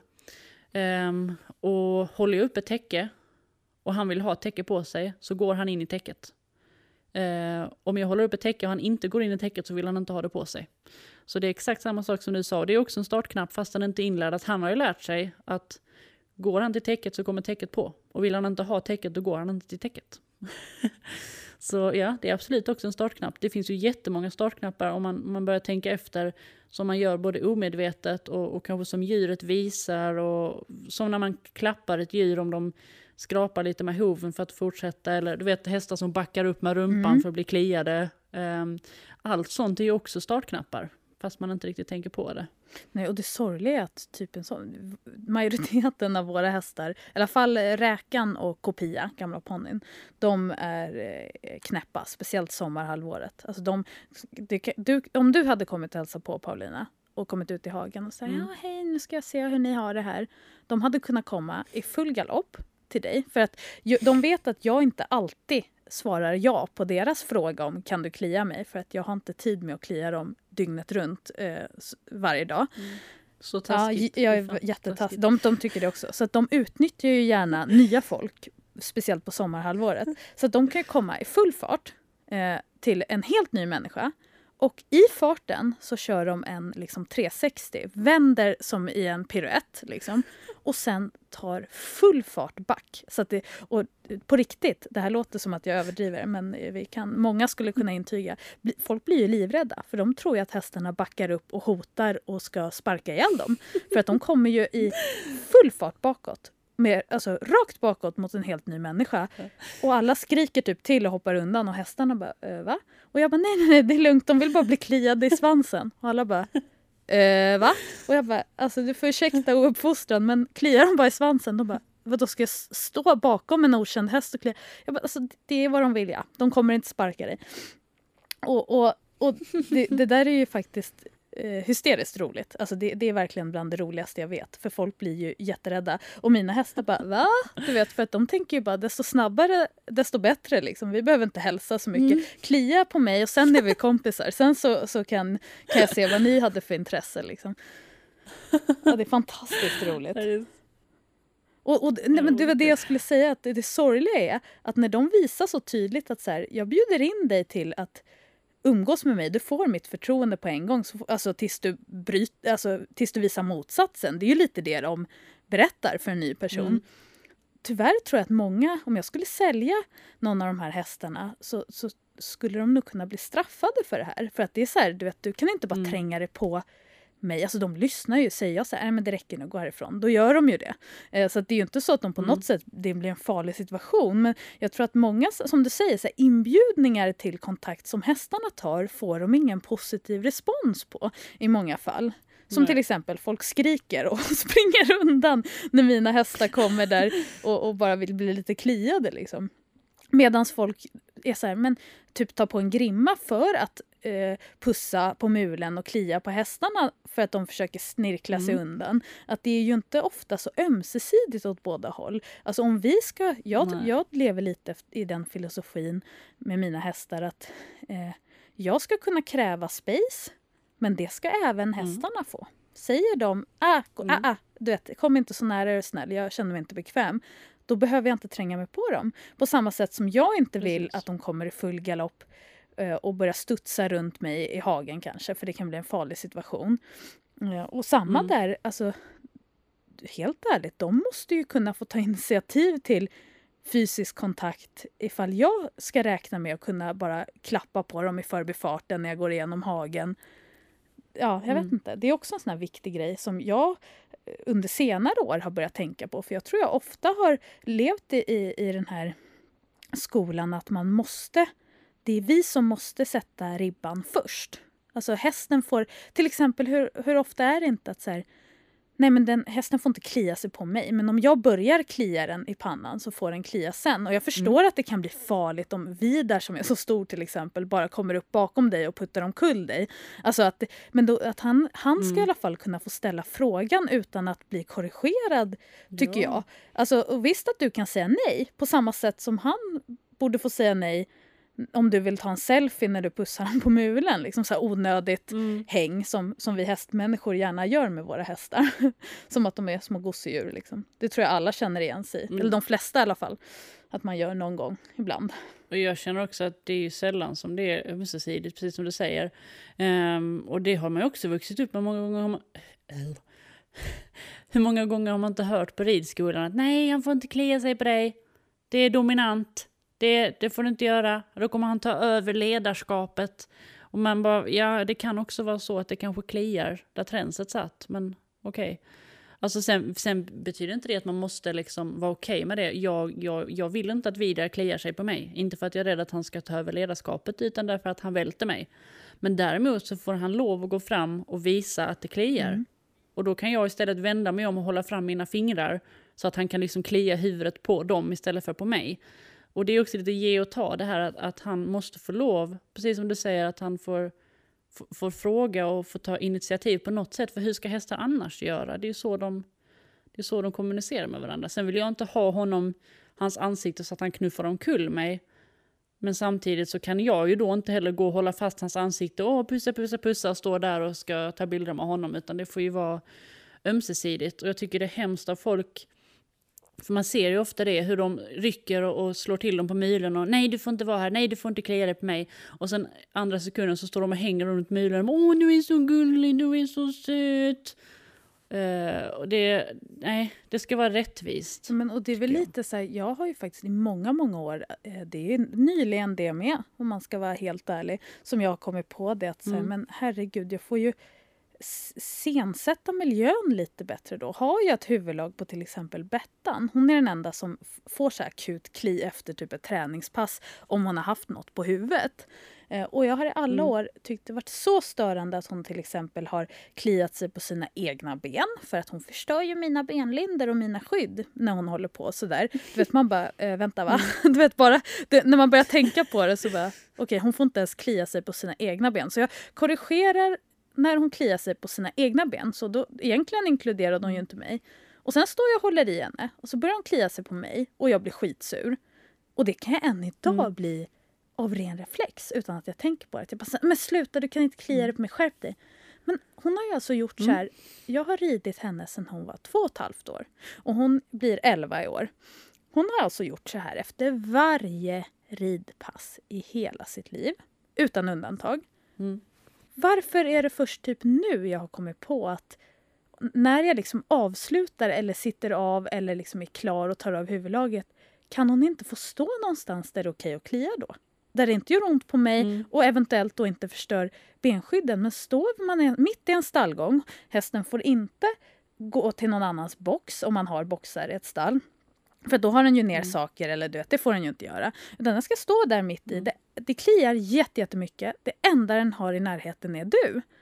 Hur hade man själv mm. känt om vi hade bakbundna händer eh, och det kliar hysteriskt i ansiktet? Oh, ja, men förstå vilken mardröm. Och det är så hemskt för att jag mm. har ju som sagt, än idag kan min reflex bli, nej men sluta, du vet, du kan inte klia, skärp dig. Du vet, så här. Man bara, fast men det sitter så det hårt. Sitter så det sitter hårt. så hårt. Vi har fått lära oss det som man var alltså barn. Jag, jag har det nog också fortfarande som reflex att, att inte ens för att det börjar bli jobbigt fysiskt, utan bara tanken på att de kliar sig på. Nej, mm. sluta, mm. lägg av. Men som du säger, tänk när det kliar, det är ju skitjobbigt. Det är jättejobbigt när det kliar och då vill man ju gnida ansiktet på allt man hittar om man inte kan komma åt med händerna. de har ju inga um, händer att komma åt med. Så att, och, och då, jag har ju nu börjat tänka med Bettan att när jag sitter av så står jag antingen vid grinden där vi har så två stolpar som inte är någon el eller något på som liksom hon kan mm. klia på, det vet hon också. Eller liksom ett träd. Eller om det är mm. liksom när jag ska ta av huvudlaget vid containern där vi brukar stå. Att jag i alla fall liksom inte bara binder upp henne kort någonstans så att den enda utvägen hon har är att klia sig på mig ifall det kliar så hysteriskt mycket. Utan att man i alla fall ger... Mm. Och det, har fun- det funkar hur bra som helst. Hon har ju jättemycket respekt. Det som jag i så många år har tänkt så här, men åh, hon visar ingen respekt för mig. Alltså hon bara tror att jag är träd. Som man vet, har hört mm. ganska många gånger. Man bara, ingen häst tror väl att en människa är ett träd. det är ju en jättekonstig Nej. grej att, att, tro. Vilket jag också har gjort i jättemånga år. Men att hästarna på riktigt tror att eller ser mig som ett träd. Det handlar ju inte alls om det. Och, och hon... Det handlar om att det kliar ja, och det här, på, den här de extremt ouppfostrade sidan av henne som jag tänkt, åh, det blir aldrig bättre. Hon är ju inte ett dugg bufflig och uppfostrad när jag bara sensätter miljön till hennes fördel. Hon har ju inte valt att stå uppbunden mm.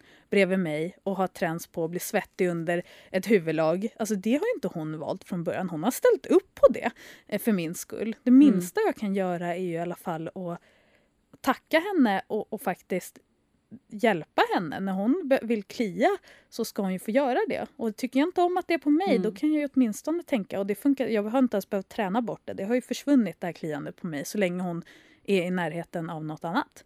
Så får hon klia en stund, sen mm. är allt bra och vi båda är nöjda och glada. Eh, väldigt konstigt att det tog väldigt många år för mig att inse det här. Men bättre sent än aldrig. Ja, det var samma sak för mig också. Um, jag brukar ha som rutin nu nästan att jag håller fram mina fingrar. Eh, antingen kliar de sig på benen eller så, så kör de den att de gnider hela huvudet. Så har jag händerna stilla. Så kan de välja alltså var på huvudet det kliar som flyttar huvudet så att det liksom passar.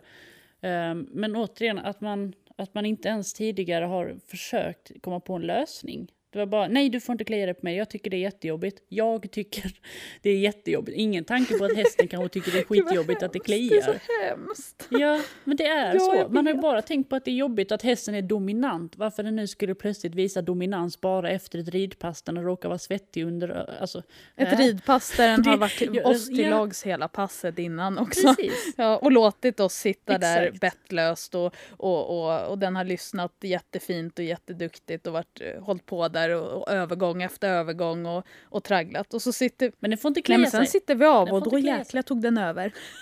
och, alltså, men hallå! Åh, oh, det är så vridet. Det är så vridet.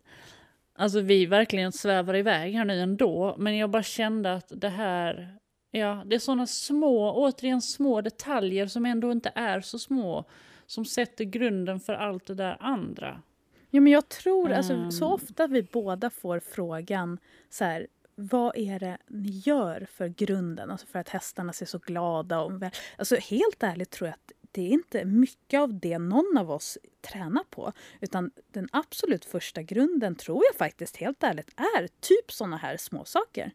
Alltså hur mm. man förhåller Umgänget. sig. Ja, och, och, och lägga lika mycket tanke som du lägger på hur du ska nå ditt mål på att få högre procent på en dressyrtävling eller kunna mm. göra en bättre skänkelvikning. Alltså där hör man ju folk har ju så mycket tankar och idéer och det är så på detaljnivå små grejer man ändrar för att nå resultat. Det är ju precis likadant mm. i relationen och umgänget till sin häst. Det kan ju vara en sån liten grej hur du förhåller dig till din häst som, som faktiskt kan göra jättestor skillnad på, alltså om man tänker då träning från marken och i frihet och trickträning och allt som många som lyssnar på våran podd nu verkar som är intresserade av i alla fall. Mm. Så att jag tror att det, att det handlar inte om vart man ska börja helt i träningen, även om det kanske är dags för oss nu att komma in på några träningstips som vi har också, alltså härifrån. Men, mm. men jag tror att det är ändå jag känner ju att bara... Vi kan ju inte fuska heller. Jag vill inte... Visst det hade varit kul att kunna vara alla till lag så bara direkt gå in på så här lär du en häst att stegra, gör så här, steg ett, steg två. Men sanningen är ju att Alltså vi har haft våra hästar i många, många år och byggt upp det här och det är relationen som har gjort att vi är där vi är. Och det är inget som man kan bara komma på över en natt eller träna in. Eller, alltså det, det är hela tänket omkring som jag, och det är därför jag är så glad för podden, för vi får möjlighet att liksom lufta det och bara prata igenom det. Mm. det verkligen. Så känner jag i alla fall. Men ska vi komma in på det första tipset vi har? För att jag vet ju att vi har fått väldigt mycket frågor om eh, just det vi försöker förklara nu. Hur börjar man? Mm. Alltså hur börjar man till hur exempel man? med en startknapp? Eller hur börjar man med att träna från marken. Om vi säger att man har en helt vanlig ridhäst inackorderad i ett stall, man har ridit lite alla möjliga grenar och sen kommer man på men gud, jag skulle vilja börja lära mig mer. Alltså liberty-träning, mm. trickträning, positiv förstärkning, klickerträning. Alltså, vad har vi för... Så här, har vi något speciellt man kan säga? Vad, vad börjar vi med? Har vi någon mm. idé? Alltså det som jag brukar rekommendera flest Ehm, eller oftast rättare sagt, ehm, är ju det som jag själv gör med en ny häst. Ehm, det kan ju vara svårt när man inte känner varandra eller om man aldrig har gjort det förut. Och hästen har ingen fantasi för den förstår inte vad den ska göra. Och om man själv är ny så har man ju lika lite koll. Men för att komma igång och bara bara glömma allt det här tekniska och bara komma in i leken och flowet så brukar jag rekommendera att man tar fram en massa föremål. Om du har en ridbana eller en del av hagen som du kan spärra av. Eh, ta fram bommar, något litet hinder, en, en yogaboll, en presenning, massa olika föremål eh, och saker. Och sen så tar du eh, godis vi hade ju tips i avsnitt ett, tror jag det var, som vi hade tips för hur man, om man vill börja träna med godis. Så tänk på de tipsen. Eh, och så ta godis och sen så en klickar. Och sen går du bara efter din häst, för din häst är en häst och om den mår bra fysiskt och inte är uppe i varv eller hög på adrenalin så kommer den oundvikligen att gå och undersöka det som ligger på banan. Kanske på håll i början, men, men den kommer ändå att undersöka. Och då kan man klicka där Klick, du tittade på yogabollen. Klick, du nosade på yogabollen. Klick, du knuffade på yogabollen. Klick, du sparkade. Alltså, det finns så många beteenden att hämta som bara händer av sig själv, där du, varken du eller hästen måste kämpa för det. Det bara kommer. Så det är det bästa tipset som jag skulle vilja säga till någon som vill börja. Ehm, lägg fram ett gäng saker på banan eller i en avskild del av hagen och försök fånga eh, olika beteenden som hästen visar själv. Och bara belöna hästen för att den är nyfiken och kreativ. Det är jättebra för självförtroendet också, att de, de brukar bli mycket säkrare när de har fått, fått leka så här. Har, har du några tips till de som kanske vill göra samma sak fast från hästryggen? Men alltså det är så kul att det här tipset, det går verkligen hand i hand. Eh, vi missade mm. ju något avsnitt. Jag skulle ha dragit tips när vi pratade om ridning och framförallt inridning utan utrustning. Hur man, för, ja, för vi har ju fått så mycket frågor om men hur gör man om man vill börja rida utan träns då? Min häst eh, mm. är jättelydig med träns men så har jag provat att ta av det och den varken kan stanna, alltså den bara går på liksom. Och jag känner att det blir farligt men jag vill verkligen. Hur, hur gör man? Och där är ju mm. faktiskt mm. också ett jättebra tips. Precis på samma ridbana med samma föremål och gärna eh, efter du har då börjat från marken, även om du kanske bara var intresserad av att rida utan träns, men då kan du se det som ett liksom, steg ett i att komma dit. Att du har mm. eh, fått hästen intresserad av olika föremål och antingen med positiv förstärkning, alltså klicker och godis, eller att du faktiskt bara förstärker med umgänget och, och, lite kli eller lek och bus beroende på mm. vad, vad, vad din häst drivs av. Har du en jätteenergisk eh, liksom pigg häst som vill röra sig mycket så kanske den tycker det är jättekul att du bara sparkar iväg på bollen och springer med lite. Alltså det vet man ju inte vad hästen drivs av. Mm. Men oavsett Precis. vad du väljer, alltså att du i alla fall får intresset för föremålen på ett eller annat vis. Och helst då att du har så pass mycket olika grejer att det inte är så stor fri yta. Det handlar inte om att stänga in hästen på något vis. Men det är ett väldigt, väldigt bra sätt att om du till exempel ska rida, vare sig det är i halsring för första gången eller eh, bettlöst kanske. Alltså bara att prova rida mm. utan bett på, på en ja. väldigt pigg häst exempelvis. Som eh, alltså man upplever kan vara svår att stanna eller vad det nu kan vara. Eh, att du då passar på och, och, ta hjälp av de här föremålen. Att du har först introducerat det från backen och ser hur hästen reagerar på de olika föremålen. För det är ju inte så speciellt bra om hästen kanske för första gången när du sitter med en halsring för allra första gången går fram till en sån här yogaboll sparkar till den och blir livrädd för, för att den flyttar sig. För det är, vissa hästar blir ju det, att de reagerar på att mm. föremålen flyttar sig eller prasslar eller låter, alltså om de kliver på en pressändning till exempel.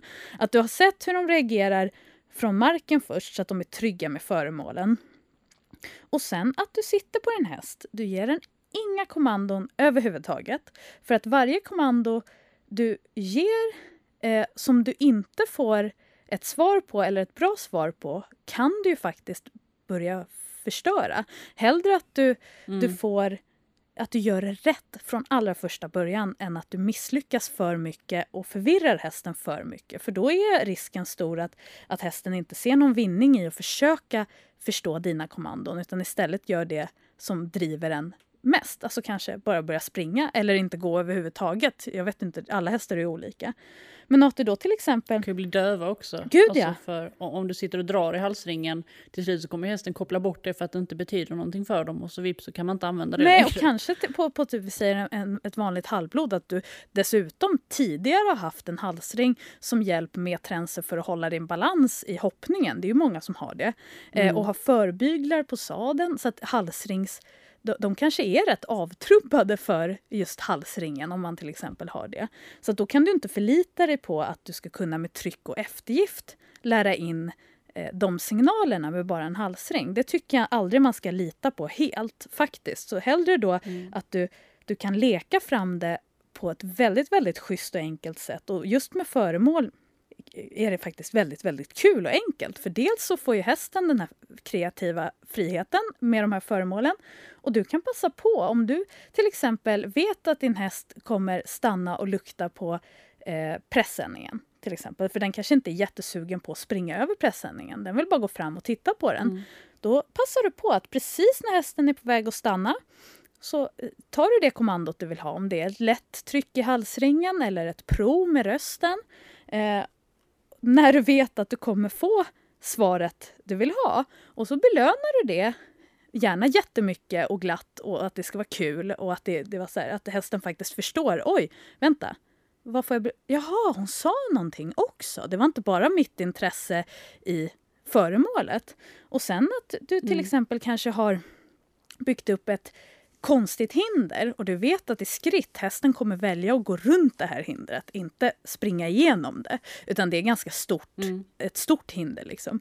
Och att du då passar på att göra kommandot för att svänga när du vet att hästen ändå kommer ta vägen runt det här hindret. Och, och belöna det. Mm. Och sen så kan du börja, när du känner att hästen, poletterna börjar trilla ner och hästen börjar bli lite intresserad, för det blir de faktiskt ofta.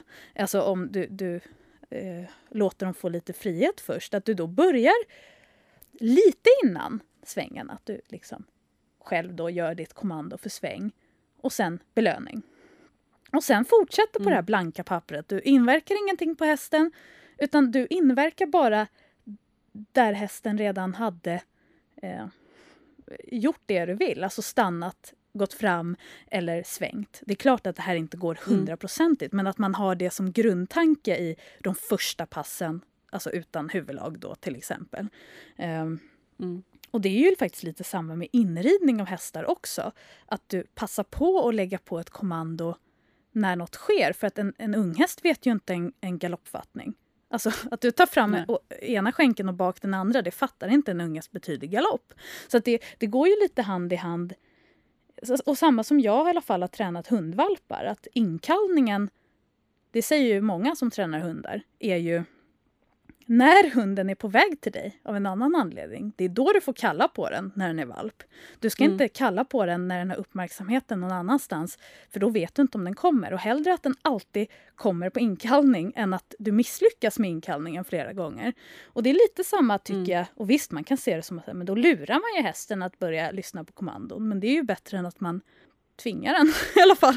Jag vet inte hur jag ska för, förklara det bättre, men jag tycker att det, just med föremålen eh, så är det ett väldigt kul och, och, enkelt sätt att börja på i alla fall. För att få in kommandona. Och det känns ändå som det mest säkra också ifall man ändå har bestämt sig för att plocka av tränset. Att göra det så kontrollerat men ändå kul.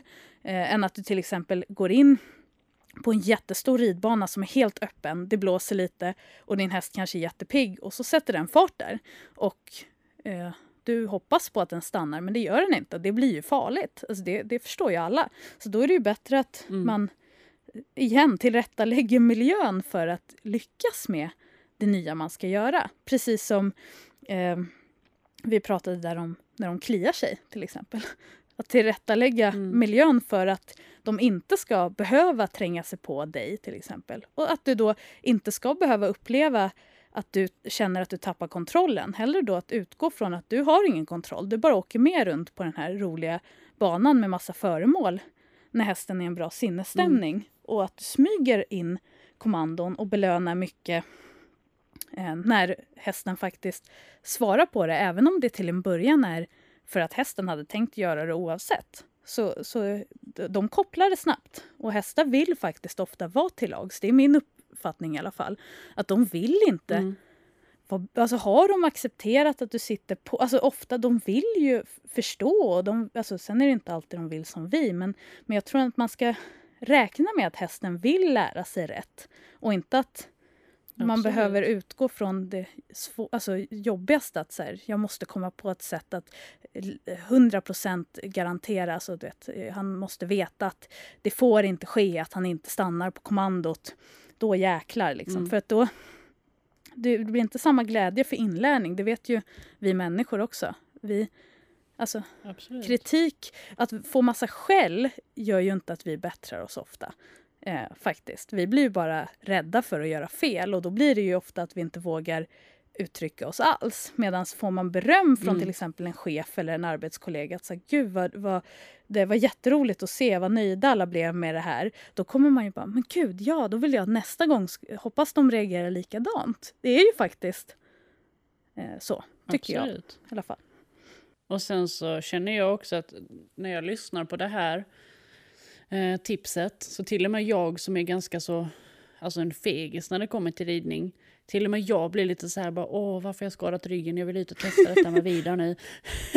Fast jag har sagt att vi ska vänta med, med att rida utan utrustning. Men, men där känner jag att till och med han hade nog fått lite mer syfte, någonting annat att tänka på så att han inte hade blivit så frustrerad och orolig för att han inte förstår mig. För då, då hade han haft någonting att fokusera på. Okej, jag förstår inte vad hon säger, men jag vet om att om jag går till den här bollen här framme, det, det, det är rätt beteende, det vet jag. Och när det ligger fullt med saker på banan, det är inte så inbjudande till att springa omkring och bocka, utan då, då får man ju... Nej, det var ett bra tips. Jag blev själv väldigt så här inspirerad och eh, sugen på att testa det. Så att eh, när jag väl är frisk, då jäklar ska jag göra hinderbana. Och sen så ska jag testa om Vidar blir lika, lika frustrerad.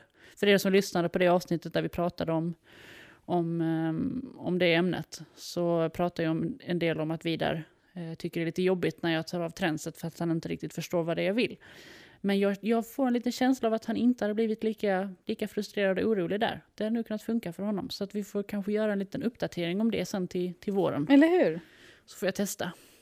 Jag tror det, nej, det, det var bra. Jag blir sugen. Jag blir sur nu att min rygg är Men, så och- dum. men då måste Jag får tålamod. Jag får säga också att jag blir faktiskt sugen. Vi kanske, du känner att, du, kanske att vi har betat av det, men har du några tips på startknapp? Alltså jag vill ju faktiskt testa med sadeln. Eh, du kanske Mm. känner att du har betat av alla. Finns det något mer jag behöver tänka på?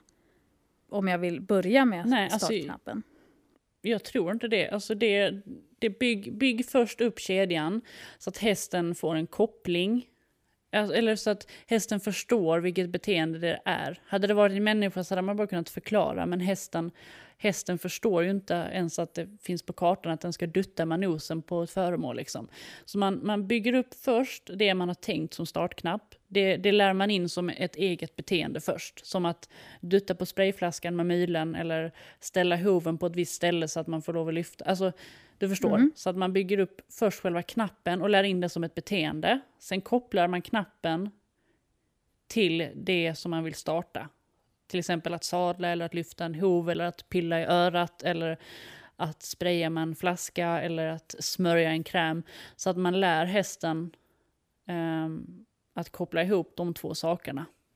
Så att jag tror faktiskt att jag fick med allting innan om det inte är några speciella frågor du har så. Ehm, nu kör jag ju belöning kvar på, på en hel del av mina saker, men det måste man absolut inte ha. Um, och framför allt då när det gäller saker som inte per automatik är något obehagligt. Och det är, flest, det är ju mest då jag har valt att använda mig av startknappar just för att det ska ske på hans villkor. Men om det är, saker som inte är obehagliga så behöver man inte använda belöning sen när startknappen väl är befäst. Um, som typ ja, sadling eller ta på grimma eller vad som helst. Och sen så finns ju startknapparna hela tiden överallt. Om du är ute och går och din häst ehm, försöker gå in på en ny väg, då är det en startknapp på att den vill fortsätta gå. Eller att han, att han kommer att sätta huvudet i grimman är en startknapp på att han vill iväg och träna. Alltså man behöver inte hänga upp sig på, för de som lyssnar då, alltså på att man måste lära in dem och göra dem. Alltså bara titta efter dem. Mm, mm. Försök se om du kan se några tecken på vad din häst försöker säga. Säger han att det här är okej eller hon? Eh, säger hästen att, att den är sugen? Vad, vad, vad berättar den?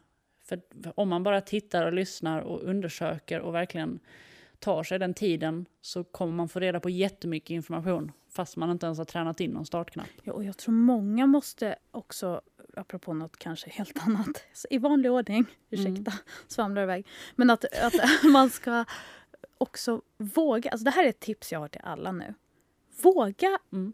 Eh, alltså svara ja på, på hästens fråga. Att så här, kan vi snälla stanna Mm. nu? Och, och stanna och, och typ äta lite på det här trädet på ridturen. Alltså var inte Mm. så rädda för det. är sånt jag får tänka på varje dag själv för det sitter så inpräntat för mig också. Jag utvecklas varje dag på den här fronten. Men var inte så rädda Mm. för att ibland tillåta hästen. För om du vill, du vill att hästen ska bjuda på, som Alvin, piaff i frihet. Eh, de ska stegra och gå på bakbenen. Du hade drömt om att de skulle erbjuda såna beteenden i free shaping och du bara kan belöna. Du måste börja mm. någonstans. Alltså, att hästen Exakt. måste få börja komma in i att den får ha idéer.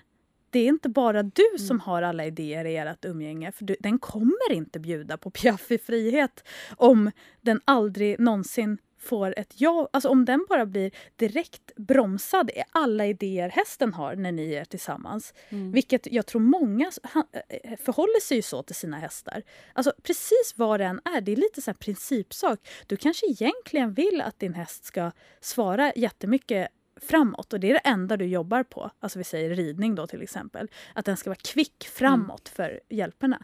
Men inte 17 får den börja trava av sig själv eh, i regel nej. ändå. Alltså när den väl då så okej okay, jag börjar trava direkt när du sitter upp, typ. Då bara nej, nej, nej för 17 det får du inte göra. Och då blir det så här, nähä? Och då är det klart den inte kommer bjuda till nästa gång. Jag menar inte att man bara helt ska så här, jaha du vill springa hem igen och, och slita det här så jag släpper dig, varsågod hej. Det handlar ju inte om det men vissa små grejer att man ska våga när hästen frågar så här, Åh, skulle jag kunna få stanna och lukta på det här på en uteritt eller mm. ta en tugga av den här granen. Att man ibland vågar så här, ja men absolut, vi gör det en stund. Mm. För att jag tror att, alltså, jag märker det med mina hästar i alla fall, de uppskattar det verkligen. Och, och det blir lite mer de, jag ska inte förmär, förmänskliga hästarna men, men det känns på riktigt som att det, de blir ju mer benägna att vilja lyssna på mig nästa gång eh, om jag faktiskt ibland låter dem ta beslut också. Alltså inte farliga sådana. Vi, vi har ju ett ansvar för dem, hästarna, och jag tror att vi har ett bättre omdöme i vad som är säkert och bra för dem i de allra mesta fallen. Men vissa saker kan man inte bara alltså bjuda till lite mer. Alltså, och var, inte vara så rädd för att släppa på, på kontrollen på små grejer. Att du förstör mm. inte, du får inte en odräglig häst bara för att du tillåter den och, och ibland ta en paus mitt i en uteritt. Alltså jag tror verkligen inte det. Och jag känner ju också så här att det var en jättebra sak att ta upp. För att om vi dödar kreativiteten direkt som du sa, du kan inte bara varenda gång din häst bara kan vi och du bara nej, får jag, nej. nej. Men nej, då kan du inte gå till ridbanan sen och tro att din häst plötsligt bara ska dansa fram och visa alla möjliga saker. Utan alltså Alvin framförallt, han hade alltså, jag vet inte vad han hade gjort om jag hade sagt nej till alla hans miljarder idéer. Sen klart man måste sålla ut det som är ofar alltså det som är farligt ska man ju såklart inte genomföra. Men nu snackar vi vardagsgrejer. Och, och precis som du sa, jag upplever också att mina hästar blir mycket mer samarbetsvilliga när jag låter dem få utlopp för sina idéer. Um, och det tror jag har att göra med att de lär sig att man tar hand om deras vilja. Som Humle, han var jätte, jätterädd för att lämna gården. Um, fram tills jag någonstans började lida med honom. Istället för att bara, åh vad jobbig du är, kom igen nu går vi, så var det, och fy, alltså jag förstår att detta är jättejobbigt. Um, jag förstår det. Och när jag började ha förståelse för det, det var någonstans då som han började våga gå med mig. För att han visste att om han blev osäker så behövde han inte tvärvända och dra hemåt med mig efter, utan han kunde bara stanna. Och jag visste direkt att han ville vända och då vände jag honom och gick hem, för jag tog hand om hans vilja. Och då var han inte rädd för att lämna gården längre, för han visste att han inte skulle bli tvingad att göra någonting han inte ville. För att han visste om att blir jag osäker, men då går vi hem. Um, så det är också en sån grej, nu säger jag inte att man bara, oh, alla hästar ska vända hem, men han har haft svåra problem med separationsångest och nu kan vi alltså gå flera mil, det är ingen fara. Det var bara just, just det här att han fick lov eh, att få utlopp för sina känslor. Ja men och, och det är ju precis så. samma som jag tror helt ärligt att det här med att typ äta på en ridtur Eh, det vet jag ju, det ser jag ju jätteofta. Nej, nej, ur, du vet, man måste... Och så bara, nu är det nolltolerans. Eh, om den råkar ta en tugga, det blir självbelönande och sen så kommer vi ha ett problem för all evig framtid. Absolut, vissa, alltså det kan ju bli problem. Jag, jag säger inte alls eh, emot det.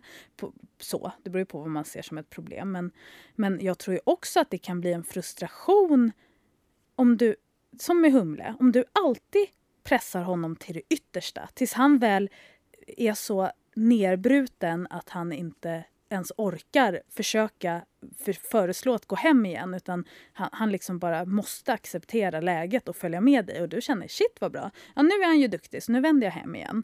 Alltså för att nu, nu har han mm. släppt mm. den här tanken. Troligen har han ju inte alls släppt tanken och känslan om du skulle göra så utan han har ju bara, bara gett, gett upp. upp. Alltså det har blivit någon så här, eh, vad heter det? Eh, vad heter det? Hjälplöshet. hjälplöshet. Ja, det var precis det jag tänkte. Och lite samma tror jag att det skulle kunna bli nästan som en stress och tics att så här, om jag är tillräckligt snabb och snor åt mig en tugga så hinner vi ju inte... Alltså då, då hinner jag ju inte... Att mm. du skulle kunna få ett större problem av att du är så här diktatorhård på, på vissa saker som hästen Absolut. vill.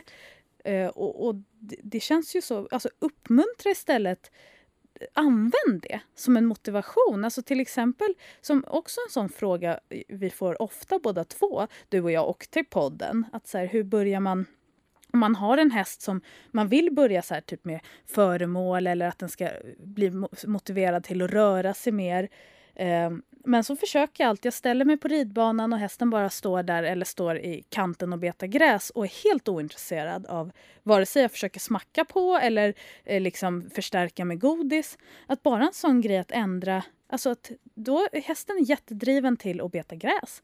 Men passa på att börja träna in eh, roliga saker som du belönar på vägen till dens favoritställe att beta på. Alltså på väg till Sommarhagen mm. till exempel. D dit brukar de ju ha väldigt bråttom tillbaka ifall man har tagit upp dem till stallet.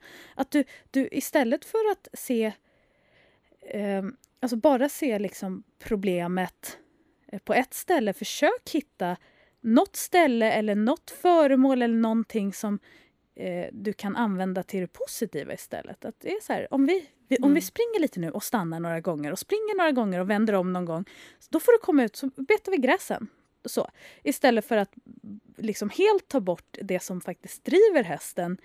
Och jag tror alltså att många gånger så får du ett intresse ifall du börjar kompromissa eh, från början och inte bara tar bort allt som hästen egentligen vill göra och vill ha och, och ska lära den. Du, då får du ju inte en häst som jobbar med glädje sen. Utan jag tror utnyttja Även om det bara är att stå och beta gräs, som många ser som så här, och det enda han är intresserad av är att stå vid kanten på ridbanan och beta gräs. Ja, men se det som en lek då. Att där borta är det bästa gräset, i andra Får hörnet... Får inflika? Ja, ja, gud ja. ja. Får jag inflika? Alltså de bästa piafferna Alvin någonsin har gjort har varit på gräsmattor eller vid gräskanter. Han anstränger sig aldrig så mycket som när vi går vid gräs och jag utnyttjar det till fullo. För att han vill beta. Och då passar jag på att träna och han vill så gärna ha gräset så han gör det absolut bästa han kan. Alltså istället för bara nolltolerans, nej du får inte äta gräs. Så använder det, men okej okay, du vill äta gräs, absolut. Kan du bara göra en sak först så äter vi sen. Och då, då blir det liksom ge och ta det här igen. Ja men det är ju precis det jag menar. Alltså använd en drivande eh, grej. Alltså använd det som driver hästen mest till, till fördelen i träningen. Som till exempel, har du jättemycket gräsväxt i ena delen av eh, ridbanan, visa hästen att ja, tanken är att du ska få springa till den här hörnan på ridbanan. Men så går du till kanske mitten och sen säger full fart, vem kommer först till gräsplätten? Alltså bara en sån grej. Det, det kan låta jättefjantigt, mm. men det är en bra början. Alltså, och nästa gång så kommer hästen kanske springa ännu, ännu mer och ännu fortare från längre håll för att den kommer till det den vill ha, alltså den bästa belöningen där och då. Och, och jag tror helt ärligt att det är väldigt lätt att, att, faktiskt fasa ut just den här gräsplätten. Alltså det är ju precis som du sa där mm. med, med startknapparna, att det är bara viktigt att de får igång kedjan och tanken och, och liksom rörelsen eller beteendet som vi vill ha. Och att eh, till mm. exempel springa förknippas med något trevligt. Och det, du kanske hade önskat att det var din morot och klicker från allra första början. Och det kan ju bli senare. Och sen kanske du inte ens behöver moroten och klicken för att hästen blir så motiverad av leken för att det är förknippat. Hästar tänker ju inte lika mycket som oss. Det behöver inte finnas så mycket logik i vad de gör alltid. Utan alltså, får du igång rörelsen och, och, att rörelsen är förknippad med något kul och bra. Och in, alltså, de, de förknippar det med något trevligt. Precis som man lär in klicker. Klicket förknippas med godisbelöning på en gång. Alltså så. Mm. Tror jag faktiskt att du kan få igång rörelse genom att, som många vill undvika, att hästen från, från början får springa direkt till eh, hörnan och beta i alltså, eh, ridbanekanten. Sånt som många säger, nej, nej, nej, det måste man från början nolltolerans med annars så har man ett problem. Det behöver inte vara det. Mm. det. Du kan använda det till en stor fördel istället för att det blir att majoriteten av träningspasset är nej och att du måste fasa bort hästen från det här hörnet. Eh, vilket då gör Mm. att det, allt blir tråkigt. Det du försöker lära. Och sen så tänker jag, ah, men nu gjorde jag det här, nu vill jag ta min belöning som jag tycker är bäst. Och bara, nej, då blev det ju inte en positiv inlärning för hästen. Och nu pratar jag inte om förstärkning Nej, utan mer bara hur hästen faktiskt troligen känner för eh, övningar och umgänge vi har med dem. Mm. Jag tycker vi, vi, vi borde utnyttja mer av, av det är det som positiv förstärkning handlar så mycket om också, att man faktiskt använder det man har omkring sig och det som motiverar hästen, eh, både liksom på in och utsida. Och har man då en svårmotiverad häst så, det som du sa till mig innan, att man kan passa på och, och ta några travsteg på väg tillbaka till hagkompisarna eller lägga in det där. För, för att i dagsläget så kanske det inte ens finns för hästen att, att springa med sin människa. Det, det kanske inte är en grej som finns alls. Men om de plötsligt springer mot en gräsplätt eller sina kompisar, då plötsligt så finns där beteendet och man kan så småningom plocka med sig det till andra situationer också. Exakt. Så det är också ett väldigt bra tips. Alltså jag känner, du vet, jag hade kunnat fortsätta hela natten i vanlig ordning när vi börjar prata om nörd. Jag vet inte vad vi har pratat om. Jag vet inte om vi har sagt något vettigt i hela det här avsnittet om jag ska vara helt ärlig. Men eh, jag Vi har haft vi kul har haft väldigt kul. också. Jag, jag blir väldigt peppad av att prata om så nördiga små detaljer med hästarna. Det är viktigt även för mig att bara lufta. För att många gånger i stress och vardag glömmer jag bort allt jag står för och allt jag tycker och allt jag det, och, och faller lätt tillbaka till gammalt. Alltså att min första reaktion är så här, Mm. men åh, och fan, och dumt, och åh, varför gör du så här? Som bara, vad gjorde jag då? du vet, när man väl Eller- liksom, så det, det är väldigt viktigt att, att hela tiden tänka och reflektera och prata om, även om man är, på vissa saker inte är där. Att prata om det gör ju att du är ett steg själv närmare mentalt i att börja ändra dig. Om du bara är tyst och fortsätter Mm. i samma hjulspår, du kommer inte få några storslagna resultat. Det är ju ett fakta vi Mm. alla vet. Vi har ju svävat iväg igen, men det gör vi. Alltså grejen är att vi kommer aldrig kunna ändra på det tror jag. Det är lite vårt trademark här i podden. Att vi, vi pratar. Det gör vi. Take it or leave it. Ehm, och, precis, och hittills har vi ändå fått jättemycket fin respons och vi är jätteglada för det. Så vi, vi fortsätter med vårt race och hoppas på att, att folk kan ha ut någonting av det och tycka att det är roligt också. Verkligen. Men eh, ska vi avrunda här då? Ja, men jag antar att det, det faktiskt är dags. Mm, men då gör vi Så det. hörs vi om en vecka helt enkelt. Mm, det gör vi. Sa vi hej! Hej då!